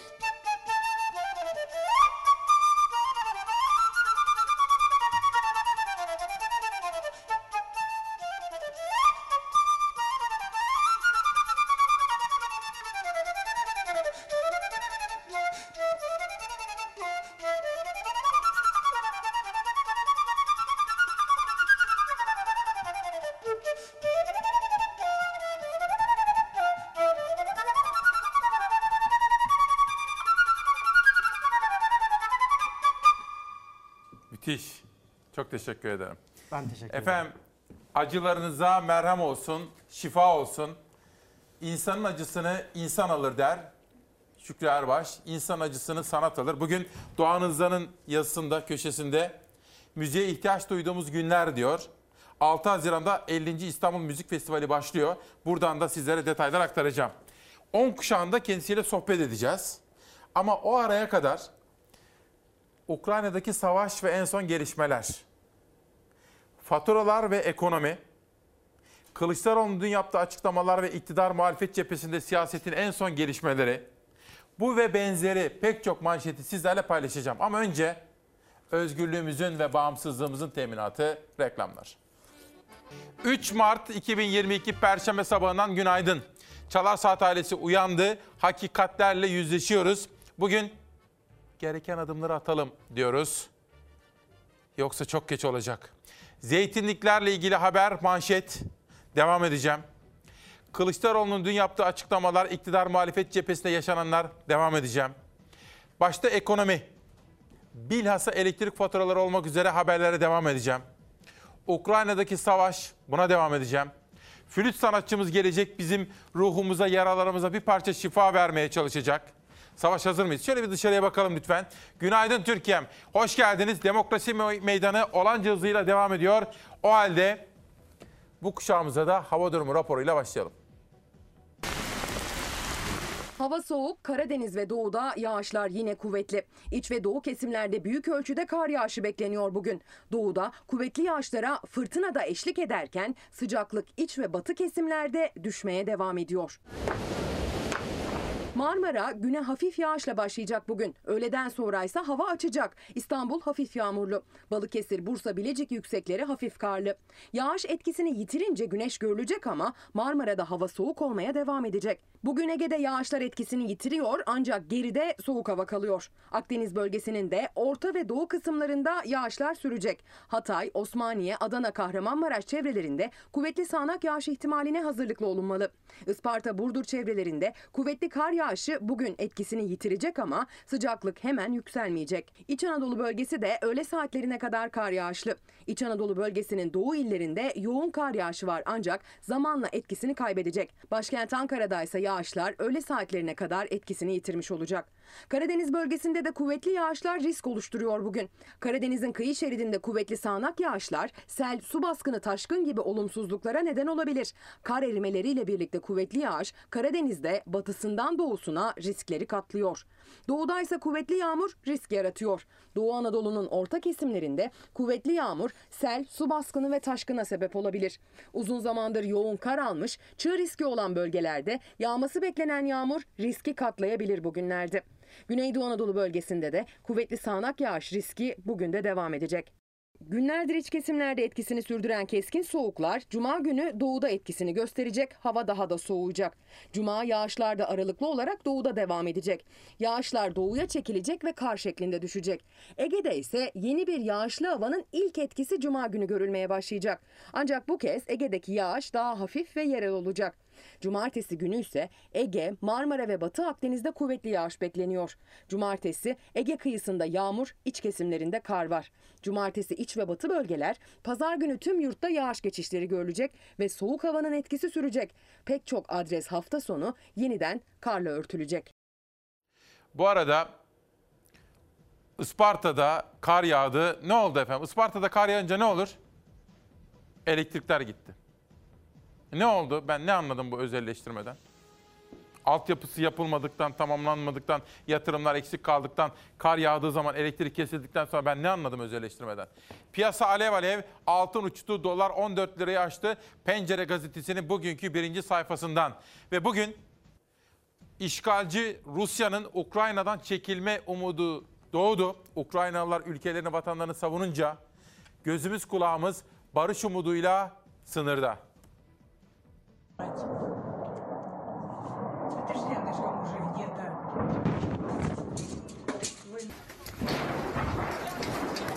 Zelenski dünyaya sığınaktan seslendi. Rusya'ya yaptırımlarda geç kalınmasaydı işgal olmayacaktı dedi. Batı Moskova'ya yönelik yaptırımlarına yenilerini ekledi. Dünyanın gözü Rusya ile Ukrayna arasında dün yapılması planlanan ancak bugüne kalan ikinci tur görüşmeye çevrildi. Batı'nın Ukrayna'daki Rus işgalini durdurmak için elindeki en büyük koz ekonomik yaptırımlar. Ancak Ukrayna liderine göre Batı çok geç harekete geçti. Zelenski arkasında kum barikatları kaldığı sığınaktan verdi mesajlarını. When dictators do not pay a price for their aggression, they cause more chaos. Amerika Birleşik Devletleri hava sahasını Rusya'ya kapattı. Başkan Biden, Putin'in 650 milyar dolarlık savaş fonunu kullanılamaz hale getirdik dedi. Moskova'nın Batı'nın işgale sessiz kalacağı öngörüsünü boşa çıkardıklarını savundu. Rus milyarderlerin mal varlıklarına el koyacaklarını söyledi. Yaptırımlar etkisini gösterdi. Rusya ekonomisi tepetaklak oldu. Ruble 72 saatte %40 değer kaybetti. Moskova borsası dün haftanın 3. işlem gününde de açılmadı. Putin Rus ekonomisini ayakta tutabilmek için ek önlemler aldı. Yurt dışına çıkacak Rus vatandaşlarına 10 bin dolar sınırı getirildi. Ülkenin en büyük bankası Siberbank yaptırımlar sonrası Avrupa pazarından çekildi. Rusya özellikle spor alanında birçok uluslararası turnuvadan çıkarıldı. Federasyonlar Rus sporcuların uluslararası yarışmalara katılmasını men etti. Bir yandan savaş, acı ve yıkım sürerken bir yandan Rusya'ya yönelik yaptırım kararları peş peşe gelirken ateşkes için tüm umutlar müzakere görüşmelerinde. Dün yapılması planlanan ikinci görüşme gerçekleşmedi. Görüşmeler bugüne kaldı. Bir değişiklik olmazsa Rusya ve Ukrayna heyetlerinin bugün Belarus sınırındaki Brest kentinde bir araya gelmesi bekleniyor. Görüşmelerde ateşkesin de ele alınacağı tahmin ediliyor. Piyasalar tedirgin adeta diken üstünde. Fed'in faiz kararı da bekleniyor. Bütün dünyayı ve bizi de etkileyecek. Bu arada enflasyon rakamları açıklandığından sizlere haberleri aktaracağım. Hem ENAK'tan hem de resmi rakamlardan efendim. Zafer Söken gelişmeleri takip ediyor. Dünya Bankası Rusya'daki tüm programlarını sonlandırdı. Fitch Rusya'nın kredi notunu düşürdü.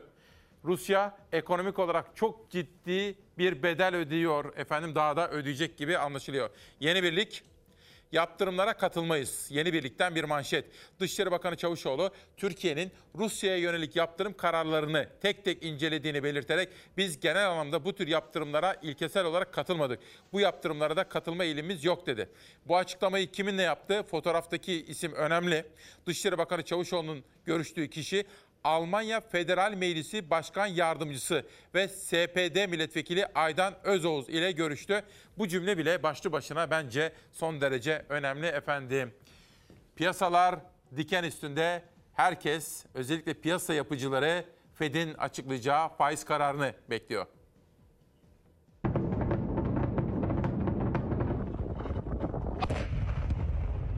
Rusya'nın Ukrayna'ya karşı başlattığı savaş küresel çapta ekonomi piyasalarını tedirgin etti. Petrol, gaz, kömür fiyatları yükselişe geçti. Amerikan Merkez Bankası Fed'den temkinli ilerleme açıklaması geldi. Putin dünyayı ayağa kaldıran kararla Ukrayna'ya saldırdı. Pek çok kenti roketlerle, füzelerle vurdu.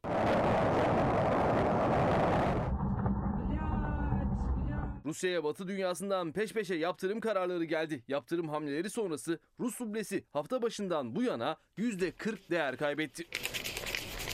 Rus Merkez Bankası o kaybın önüne geçmek için politika faizini %9,5'tan %20'ye çıkardı. Ancak rubledeki kan kaybı dinmedi. Moskova borsası hafta başından bu yana açılmadı. Savaşın başlangıcından bu yana Rusya'nın enerji ihraç eden bir ülke olmasından dolayı enerji fiyatları yükselişe geçti. Rusya'nın Ukrayna'ya saldırıları başladığında 98 dolar olan ham petrolün vali fiyatı savaşın 8. gününe girilirken 117 doları aştı. Son 8 yılın zirvesine çıktı. Avrupa'da gaz fiyatları da %27 yükseldi. Daha önce Mart ayında faiz artışına gideceğini açıklayan Amerikan Merkez Bankası'ndansa karar değişebilir sinyali geldi. Fed Başkanı Powell faiz artışında esnek olacaklarını belirtti. Ukrayna Savaşı nedeniyle ekonomik etkileri oldukça belirsiz yorumunu yaptı. Ukrayna'daki gelişmeler ışığında temkinli bir şekilde ilerleyeceğiz dedi. We will need to be nimble in responding to incoming data. Fed faiz toplantısını 15-16 Mart tarihlerinde yapacak. Temkinli ilerleme mesajıyla birlikte Powell yine de 0,25 bas puanlık faiz artışını destekleyeceğini açıkladı. Bir taraftan ekonomiye, piyasalara, savaşa bakıyoruz. Bir taraftan zeytinlikler konusu. Çağdaş Yaşamı Destekleme Derneği Başkanı Ayşe Yüksel Hocam da zeytinliklere kıyılmasın diyerek bizim bu kampanyamıza destek vermiş. Aynı zamanda Avukat Hakları Grubu İzmir Zeytinlik Alanları Madencilik Faaliyetini açan yönetmeliğe karşı hukuk mücadelesi başlattı. Avukat Hüseyin Karakoç bugün Cumhuriyet Gazetesi bir demeci var. Bu yönetmelik uygulanırsa şu ana kadar dokunulmamış olan zeytin ağaçlarının altında bulunan tüm madenler çıkartılabilir. Böylece tüm zeytinlik alanlarda yok edilebilir. Türkiye bunu duysun öğrensin demiş efendim. 1 milyona yaklaştı. İşgalden sonra Ukrayna'yı terk eden insan sayısı bakın. Birleşmiş Milletler Rusya-Ukrayna savaşında 1 milyondan fazla mültecinin Ukrayna'dan komşu ülkelere geçtiğini duyurdu. Bu neymiş? Bayraktar Akıncı BTH gökyüzünde buluştu. Selçuk Bayraktar kendi sınıfında dünyadaki en güçlü ve muharebe kabiliyeti en yüksek taarruzi insansız hava aracı bugün ilk uçuşunu başarıyla tamamladı. O zaman ben yönetmenim Savaş'tan ve editörüm Zeray'dan rica edeyim. Bunu hemen hızlıca bana hazırlasınlar efendim. Bu da önemli bir gelişme. Analiz. İhracat durdu, sebze ve meyve ucuzladı. Önce KDV indirimi fiyatları düşürdü. Şimdi de Rusya ve Ukrayna arasındaki savaş iç piyasayı rahatlattı. 20 liraya kadar çıkan domatesin fiyatı 4 liraya kadar düştü. Portakal 2, mandalina 1 lira 75 kuruşa indi. Türkiye Halciler Federasyonu Başkanı Yüksel Tavşan, sebze ve meyvede fiyatların daha ucuzlayabileceğini söyledi. Üretici dertli, sıkıntılı ama dün gündem çalışmamızı yaparken Nihal dikkatimi çekti. Nihal Kemaloğlu. Buğday fiyatları nerelere uçmuş gitmiş biliyor musunuz? Savaş, dünya. Bakın. Buğdayın ton fiyatı 100 dolar arttı. Hüseyin Gökçe'nin haberi. Toprak Mahsulleri Ofisi'nin 435 bin tonluk ihalesine 260 bin ton teklif geldi. Peki buğday fiyatları artarsa ekmek fiyatları ne olur efendim? Çok basit bir soru. Buğday fiyatları bu kadar artarsa peki hepiniz biliyorsunuz artık değil mi? Hepimiz ekonomist olduk. Biz buğdayı nereden ithal ediyoruz? Rusya'dan. Başka? Tabii. Hem Rusya'dan hem de Ukrayna'dan ithal ediyoruz. Buğday fiyatları bu işgalden sonra fiyatları yükseldiyse ekmek fiyatlarına da zam maalesef kaçınılmaz olur. Dün Ankara'daydık. CHP Genel Başkanı Kemal Kılıçdaroğlu'na işte Ukrayna'yı sorduk, Montreux'u sorduk, Altılı Liderler Zirvesi'ni. Sonra aklıma bir soru takıldı. Efendim dedim. Cumhurbaşkanı faturaların bir parça inmesi için KDV'de indirime gitti. İyi bir gelişme. Evet dedi ama yetmez dedi. Peki dedim bu indirim kararından sonra da faturaları ödemeyecek misiniz? Ödemeyeceğim dedi.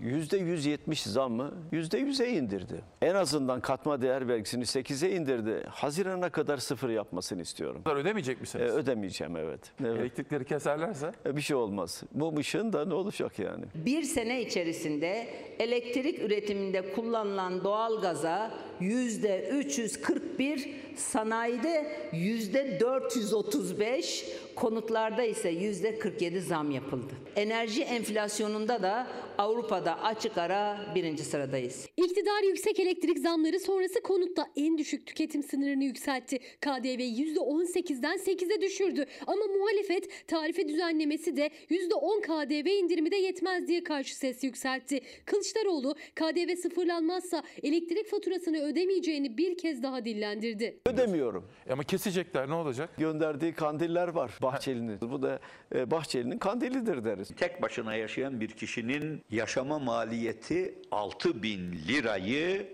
yakalamış durumda. Biraz daha böyle devam ederse artık alışın diyecekler sanki bize. Yıllık gıda enflasyonumuz %55 olmuş. Bırakın OECD'yi, Arjantin'e bile 5 puan fark atmışız. Zambiyonlar Ligi'ne çevirdikleri memleketimizde sadece bir yılda patlıcanın fiyatı yüzde 166. Salatalığın fiyatı yüzde 111 artmış. Yılın tamamını %11'lik bir büyümeyle kapattık. Devlet hizmetlerini yürüten memurlarımız bile yoksulluk sınırı altında yaşıyorsa Türkiye'nin büyüdüğünü, zenginleştiğini söyleyenler nasıl bunu söylüyorlar hayret ediyor. İnsan biraz sıkılır diye düşünüyorum. Elektrikte KDV indirimi tarife değişikliği düzenlemesi, büyüme rakamları, enerji zamları, muhalefet ekonomiye dair ne varsa en üst perdeden yaptı iktidara eleştirilerini. Mesela biz şu an akaryakıtı Belarus'tan, Asya'daki Endonezya'dan, savaşın ortasındaki Esad'ın Suriye'sinden bile daha pahalıya kullanıyoruz. Benzin fiyatları yüzde 134, mazot fiyatları yüzde 159, LPG fiyatları da yüzde 143 arttı.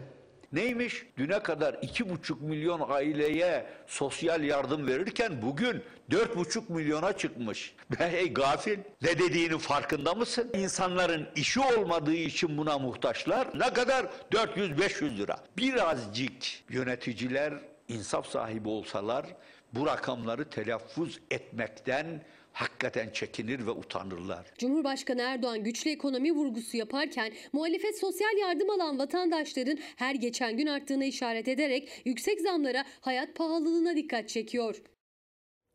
Ve efendim son dakika gelişmesi resmi rakamlara göre enflasyon yıllık bazda enflasyon %54,44. Tekrar ediyorum. Resmi rakamlara göre enflasyon yıllık bazda %54,44 oldu. Aylık kaç? Şubat ayında resmi rakamlara göre tüfe yüzde 4,51'e arttı efendim. 4,51'e arttı. Peki bir de ENAK araştırıyordu. Hani tepkilerin de odağındaydı. ENAK kaç buldu enflasyonu? Onu da söyleyelim. Hem resmi rakamları hem de bağımsız araştırmacıları ama siz siz ne yaşıyorsunuz ona bakın.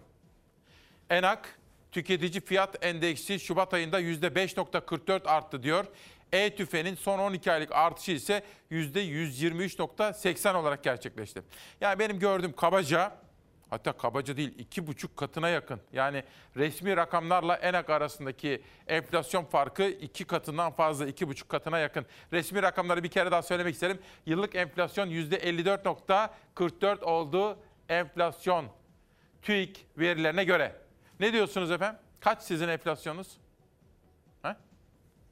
Konuşalım, bunu konuşalım. Gazetelere bir dönebilir miyim? Çalar saat. Efendim zeytinlikler. Bakın Tarkan, büyütelim Tarkan'ı.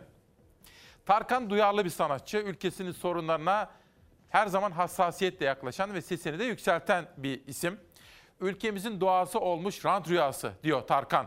Enerjiydi, madendi, barajdı, şuydu, buydu.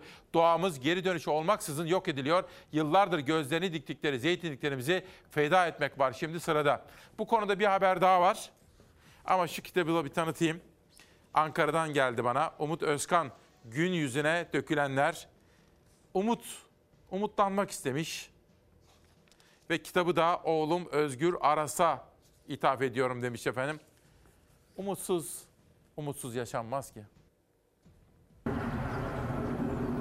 Bırakalım zeytin ağaçları yerlerinde kalsın, zeytinlikler yerlerinde kalsın ve bu madencilik faaliyetleri asla zeytinlik alanlarda uygulanmasın.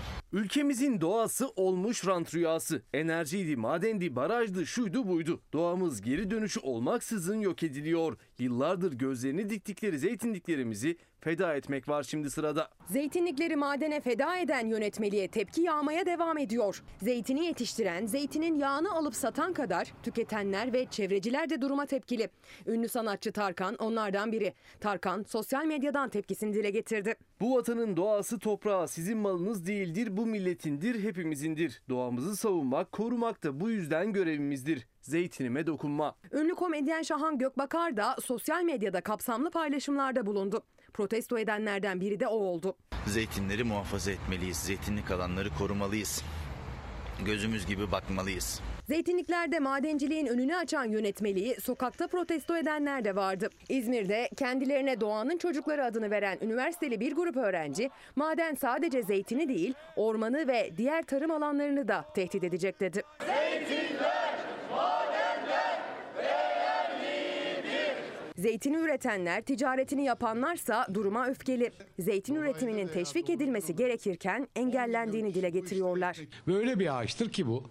Dünyanın krize girdiği bir anda, dünyanın açlıkla yüz yüze gelebiliriz dediğimiz anda Türkiye'den ihracatı ilk önce yasaklanan bir üründür. Eskiden kanun teklifi falan yapıyorlardı. Yani bizden kızı istiyorlardı. Biz de hayır diyorduk.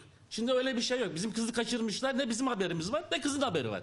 Balıkesir'in Edremit Körfezi'ndeki zeytin sektörü temsilcileri zeytinin önemini vurguladı, karara gözleri dolarak isyan etti. Bütün kutsal kitaplarda anılan bir ağacın hiçbir şekilde kitaplarda anılmamış, maneviyatı olmayan muhtelif değerlerle mukayese edilip yok edilmeye çalışılması bizi son derece zedeliyor.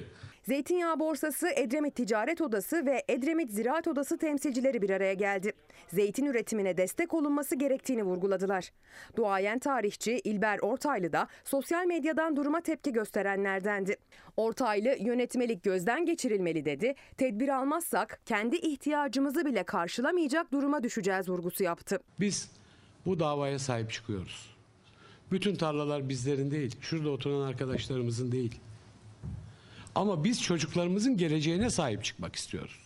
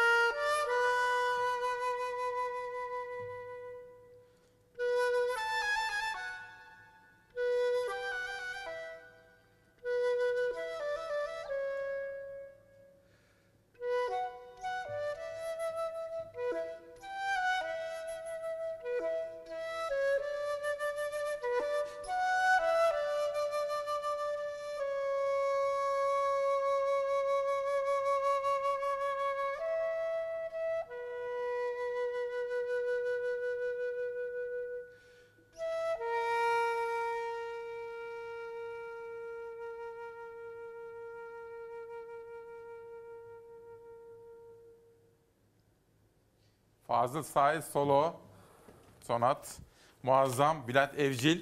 Şimdi Fazıl Say'la bir kaç haftadır kayıt yapıyorlardı. Bu arada Ankara'da olduğum için katılamadım. Koç grubunun kadın erkek eşitliği, cinsiyet eşitliği bu konularda bir etkinliği vardı. Onun haberini hazırlattım. Onu sizlere sunmak istiyorum. Maalesef katılamadım. Katılacağıma söz vermiştim ama şirketlerimizden, holdinglerimizden duyarlılık istiyoruz. İstihdamda kadınların gücünün, rolünün artılması gerekiyor. Bir kitap doçent doktor Nesrin Şalvarcı Türeli, profesör doktor Şirvan Şendemir, kadın akademisyenler gözüyle çalışma yaşamında kadın olmak. Ha, tam haberi girmek istiyordum. Savaş da kulağıma dedi ki o haberi şimdi giremeyiz abi dedi. O zaman başka ne var elimizde? Onu geç. Başka, başka. Peki, hava durumunu verelim.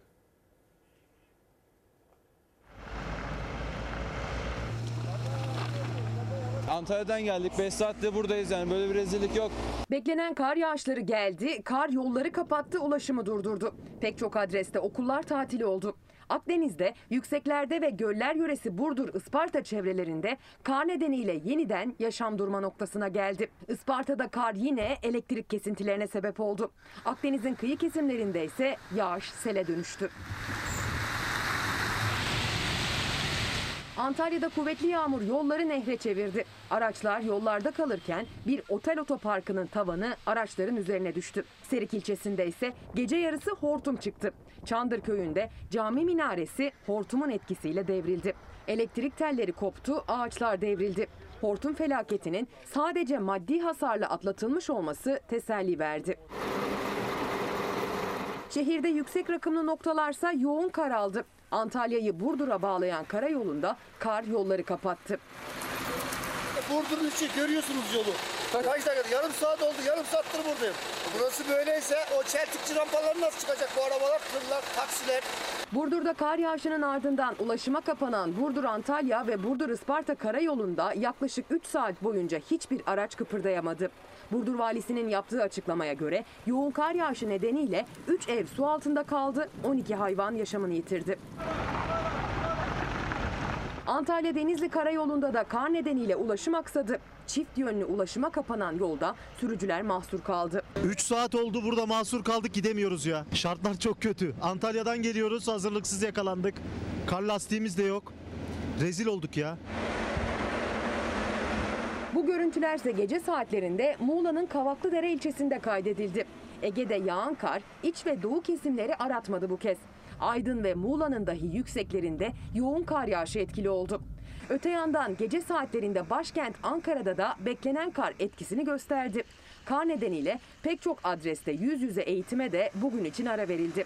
Isparta ve Afyonkarahisar illerinde tüm okullara, Konya Ilgın, Muğla Kavaklıdere, Denizli Kale'de eğitime kar nedeniyle ara verildi. Sinop'ta ise kar ihtimali taşımalı eğitime bir gün ara verilmesine sebep oldu. Evet bir taraftan haberler fakat bir taraftan da böylesine savaş ortamında, enflasyon ortamında, güç koşullarda yaşadığımız dönemde Bülent Evcil gibi uluslararası çapta sanatçılarımız. Kendisi İstanbul Devlet Senfoni Orkestrası'nda flüt sanatçısı. Flüt bölümünün şefi. Aynı zamanda BIFO'da biz konserlerden tanıyoruz kendisini. BIFO'da flüt icra ediyor. Bazı etiketler, bazı manşetler seçtim. 50. yılını kutlayan İstanbul Müzik Festivali'nin teması İstanbul. Doğan Hızlan hocamızın bugünkü yazısında da var efendim. Ben aslında bu basın toplantısına da giderdim her sene ama bu sene Ankara'da olduğum için gidemedim.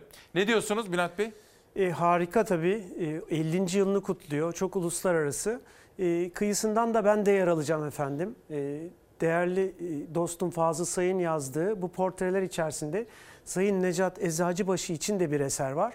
Ve onu e, Fazıl'la birlikte bu festival kapsamında çalacağız efendim. Ne kadar güzel. Harika. Özledik doğrusu. Böyle açık mekanlarda İstanbul'da tabii şahane mekanlar var. Ve ben benim için İstanbul'da olmanın en güzel tarafı nedir biliyor musunuz? 2008 sonunda geldiğimden beri özellikle Mayıs sonu Haziran'daki İKSV'nin o müzik festivalidir. Bir de iş sanatın bir de BİFO'nun konserlerine gitmektir. İstanbul benim için en çok bu açıdan önemlidir. Şimdi Fazıl Say'ın bir üzüntüsü ve tepkisi var. Münih Filarmoni Orkestrası Rus şef Valeri Gergiev'i görevden aldı. Bu tarz tepkileri ben iyi bulmuyorum. Gergiev iyi bir orkestra şefi. Bırakın sanatını yapsın. Evet Putin ile uzun yıllardır dostu olan bir sanatçıdır. Ancak savaş kararını veren Gergiev değil ki. Herkes şaşkın ve herkes tepkiyi yanlış yerlere vuruyor sanki diyor. Şimdi siz böyle bir baktığım zaman Ukrayna sizin için de önemli. Ukrayna'da CD'niz çıktı, eserleriniz var, konserleriniz var. Fakat bir de savaş yaşıyoruz. Maalesef Eylül'de oradaydım İsmail Bey. Ee, gerçekten harika insanlar Ukraynalılar, Ukraynalı sanatçılar. Ee, evim gibi hissettim. 10 gün kaldım. Ee, Lviv Filarmonik Orkestra ile e, ünlü Ukrayna bestecisi Thomas de Hartmann ki unutulmuş bir besteci diye geçiyor. Ve e, Amerika'daki e, Ukraynalı topluluklar Ukrayna'nın unutulmuş bestecilerini, geçmiş bestecilerini canlandırmak, onları tekrar e, dijital kayıt altına almak için bir harekete geçmişler. Flüt konçertosunda e, kayıt etmek bana nasip oldu bir Türk flütçü olarak. Büyük bir gururla ve zevkle gittim. Harika zamanlar geçirdik. O orkestra üyeleriyle arkadaşlıklar oldu. Değerli şef Kuçar'la e, müthiş bir müzikal birliktelik yaşadık. Fakat şimdi ne yapıyorlar? Ne yerler, ne içerler? Ya. Bir daha o güzel salonda konser çalabilirler mi? Ee, gerçekten bazen yüreğim kaldırmıyor biliyor musunuz? Mailler yazıyorum. Neyse hayatta olduklarını öğrenip mutlu olmaya çalışıyorum. Sizden o eseri rica edeceğim ama bir, bir saniye. Bir bilgi vermek isterim. Biraz evvel tabii ben bir taraftan konuşurken efendim biz de böyle yazılı bir metin üzerinde çalışmıyoruz ya. Her şey şu. Bu, bu, burası arasında bir de böyle bir bağlantı kurmaya çalışıyoruz. Şimdi ben bir taraftan sunum yapıyorum, bir taraftan kitabı tanıtıyorum, bir taraftan yalnızca bir şurada bir yazı yazıyor. İşte koç kadın. O bana şu mesajı veriyor. Haber hazır demek. Şimdi ben aslında konuğumla konuştum. Kitabı tanıtırken bir arada böyle elimi kolumu gördüm de kusura bakmayın. Ne oldu diye. O arada Savaş bana diyor ki abi o haberde bir hata var şimdi giremeyiz deyince e tabi hop bir çuval incir berbat olmasın dedim. Böyle tornison etmeye çalıştım ama siz elimi kolumu gördünüz. Kusura bakmayın. Haberi şimdi sunuyorum.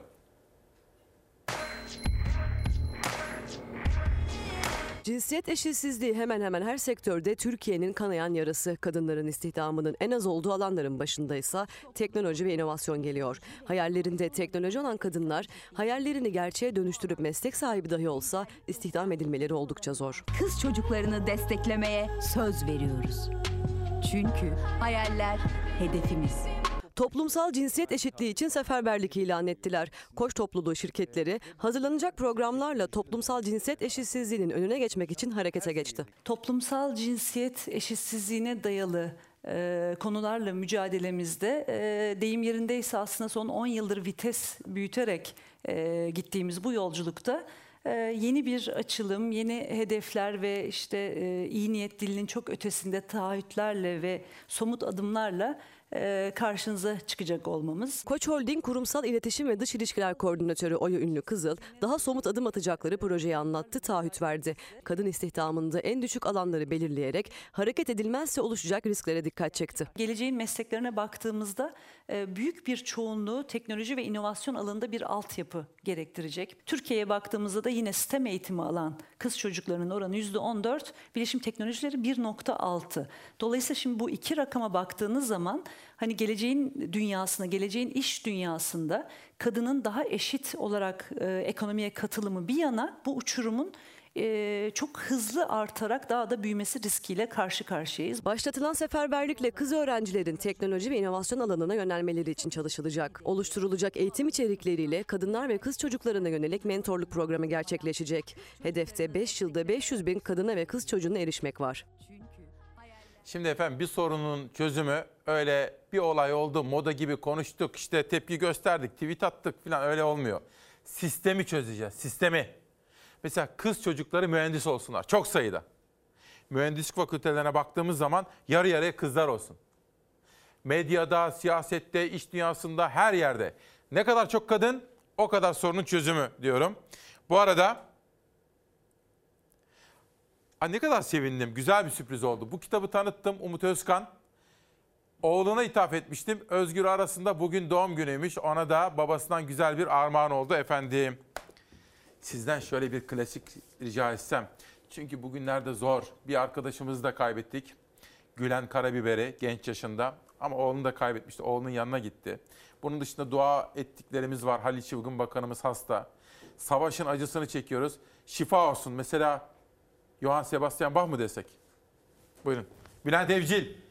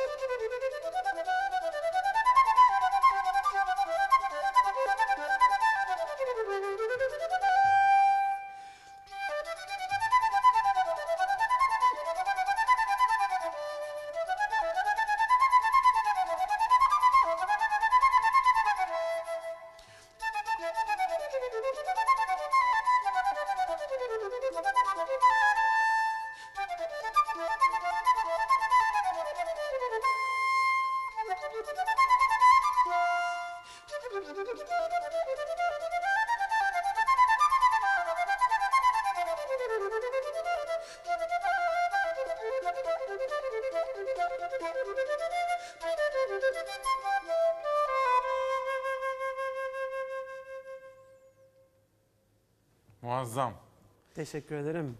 Sanat ve müzik gerçekten iyileştirici bir şey değil mi? Çok, çok. Bütün e, sorunları, bütün dertlerinizi unutturabilir. E, hüzünlendirebilir, mutlu edebilir. Her duyguya hitap edebilir. Şimdi bir şey söyleyeceğim. Tabii insanlarımızın hoşuna da gitti. Böyle insanlara iyi geldi. Ben burada zaman zaman mesela Andante gibi çok farklı dergilerde, uluslararası dergilerde de sizin kapak olduğunuzda gösterdim. İzleyenlerimiz sizi biliyorlar ama canlı kanlı ilk defa görüyorlar. Siz nerelisiniz efendim?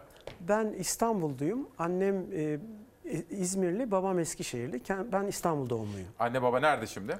Her ikisi de İstanbul'da yaşıyorlar. Onları Fener sev- yolunda oturuyorlar. Onları da sevgiyle, saygıyla selamlıyoruz. Müziğe Burada. nasıl başlamışsınız? Ee, annem ve babam her ikisi de müzik öğretmenleri. Ee, 1980 yılında Mimar Sinan Üniversitesi Devlet Konservatuvarı'nda duayen Profesör Mükerrem Berk ile flüte başladım. Ee, 8 yıl okudum, iki kez sınıf atladım. Ee, daha sonra Mannheim Müzik Hochschule ve Brüksel Kraliyet Konservatuvarlarında İstanbul Filarmoni Derneği'nin bursu ile okudum. Ee, hayatımdaki en önemli dönüm noktalarından biri de e, büyük flütçü Sir James Galway'in e, özel öğrencisi olma şansım oldu. E, Avrupa'da çalıştım, memleketimde e, orkestralarımızda çalıştım. E, 500'den fazla konser verdim ulusal ve uluslararası alanında. Televizyon yayınları, dergiler, artikıllar, e, kritiklerde ismim, yaptığım konserler yer aldı. E, en büyük arzum, isteğim flütün e, Türkiye'deki popülerliğini daha çok arttırmak. Dünyada da e, Türk nefes sazcıları arasında ismi olan, e, Türkiye'yi en üst düzeyde temsil eden bir kişilik halinde hayatıma devam etmek. Harika. İstanbul Filarmoni Derneği'nin bursu. Evet. Güzel, bravo onlara da. Evet, o zaman için gerçekten benim için çok kıymetliydi. Ee, öğrencilik yıllarında bilirsiniz çok kolay değildir. Çok Avrupa'da zor. yaşamak, işte okumak. Ee, o zaman sahip çıkmışlardı bana İstanbul Filarmoni Peki. Derneği. Fazıl Say'ın bir tweet'i vardı. Savaş rica edebilir miyim? Şimdi bir arkadaş mesaj atmış bana da. İbrahim diyor ki abi diyor her şeyi söylüyorsun sen de diyor.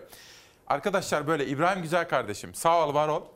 Ya burası 3 saatlik bir demokrasi meydanı ama güne birlikte başlıyoruz. Sabah böyle 5'e doğru uyanıp da bütün ekip arkadaşlarımla her birinin isimlerini onun için söylüyorum. Zor bir şey ama bir o kadar da mutluluk verici. Fakat yazılı bir metin falan değil. Her şey doğaçlama olduğu gibi. Gizlimiz saklımız yok. Bazen annem de kızar bana. Ya diyor senin ağzına bakla ıslanmıyor. Her şeyi televizyonda söyleyiveriyorsun diyor. Ama öyle. Aklıma ne geldiyse, gönlümden ne geçti döküveriyorum. Şimdi Bülent Evci'den şunu dinlemek istiyorum. Bu enteresan bir çalışma. Bir yaklaşık 10 gündür. Ha bu arada bir şey söyleyeceğim. Dur dur dur dur aklıma geldi. Dün ben Ankara'daydım. Türkiye Eğitim Derneği'ne gittim. Bir kampüsü görmeni isterim diyordu Selçuk Pelivanoğlu. Fazıl Say orada da bir salon görmüş. Ben böyle bir akustik görmedim diyor. Onu da söyleyeyim de. Salon durumu nasıl Türkiye'de genel itibariyle? E, tabii dünyanın gerisinde biraz ama son zamanlarda bir hareketlenme oldu. Cumhurbaşkanlığı Senfoni Orkestrası'nın salonu çok çok çok güzel bir akustikle inşa edilmiş durumda. E, Atatürk Kültür Merkezimiz de açıldı İstanbul'da. O da çok iyi, gördüm orayı. O da evet e, büyük salonu oldukça ilgi çekici ve Akustiği iyi güzel. mi? E, akustiğinde birazcık çalışmalar yapılırsa çok daha iyi hale geleceğini düşünüyorum. E, tabii İzmir'deki Ahmet Adnan Saygun Konser Salonu akustiği e, dünya standartlarında çok çok iyi. Biz de bu e, bahsettiğiniz tweet'teki kayıtları orada küçük salonda bu resimde de görüyorsunuz. Adnan Saygun'da mı kaydettiniz? Adnan Saygun'da kaydettik. Onun küçük salonu gerçekten dünya standartlarında harika bir e, oda müziği salonu. Orada kaydettik efendim. Şimdi Fikret Otyam, Ahmet Say, Yaşar Kemal, Yıldız Kenter, Türkan Saylan, Nejat Eczacıbaşı, Şarık Tara, Tarık Akan ve işte sizin eserleriniz Bülent Evcil. Bir eser daha rica etsem. Tabii ki Mümkün mü? zevkle. E, Ben büyük bir zevkle ve onurla çaldığım Fazıl'ın çok kıymetli ve bütün kitlelerce de çok sevilen kumrusunu flütümle seslendirmek isterim. Bu arada efendim tabii burada özellikle müzik olduğu zaman her zaman öyle ama daha çok yoruyoruz onları. Sesçimize, Mithat kardeşime de ne kadar teşekkür etsem azdır diyorum. Bülent Evcil diyorum. Ben de teşekkür etmek istiyorum. Çok güzel bir ses yarattı çünkü. Müthiş Sağ yani olsun. inanılmaz yani değil mi? Emeğinize sağlık. Ben böyle sanki bir konser salonunda hissediyorum kendimi. Ben de rahatlıkla çalabiliyorum Harika. tabii Buyurun kendimi efendim. iyi duyduğum için. Harika. Sağ olun.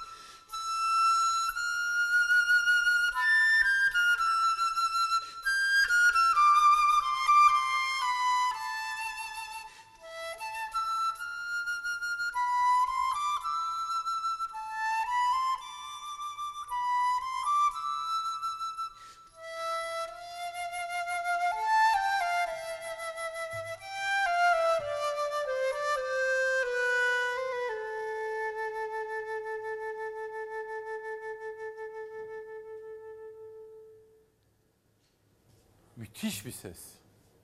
Ya bu flüt bir şey sorabilir miyim? Flüt icrası zor bir enstrüman mıdır? E, flüt öğrenmesi çok zor bir enstrüman değil. Fakat ustalaşması, iyi ses çıkartılması, tekniğine usta bir şekilde hakim olunması gerçekten çok milim milim damla damla inen, ilerlenen zor bir enstrüman. Evet. Öyle mi? Evet, Peki. evet. Şimdi efendim, şimdi akşam ana haberimizde, yarın sabahta çalar saatimizde sizlere savaşla ilgili detaylı gelişmeleri barış olması umuduyla aktaracağız. Hazırlıklarımız bugün öyle. Bu arada aralarda ben sizlere bunu da haber hazırlayalım dedim. Arkadaşlarım şimdi yetiştirdiler ama onları söz verdim haberleri yarın aktaracağım. Merak etmeyin. Şimdi ben mümkün olduğu kadar çok sanatçımıza ses vermek istedim.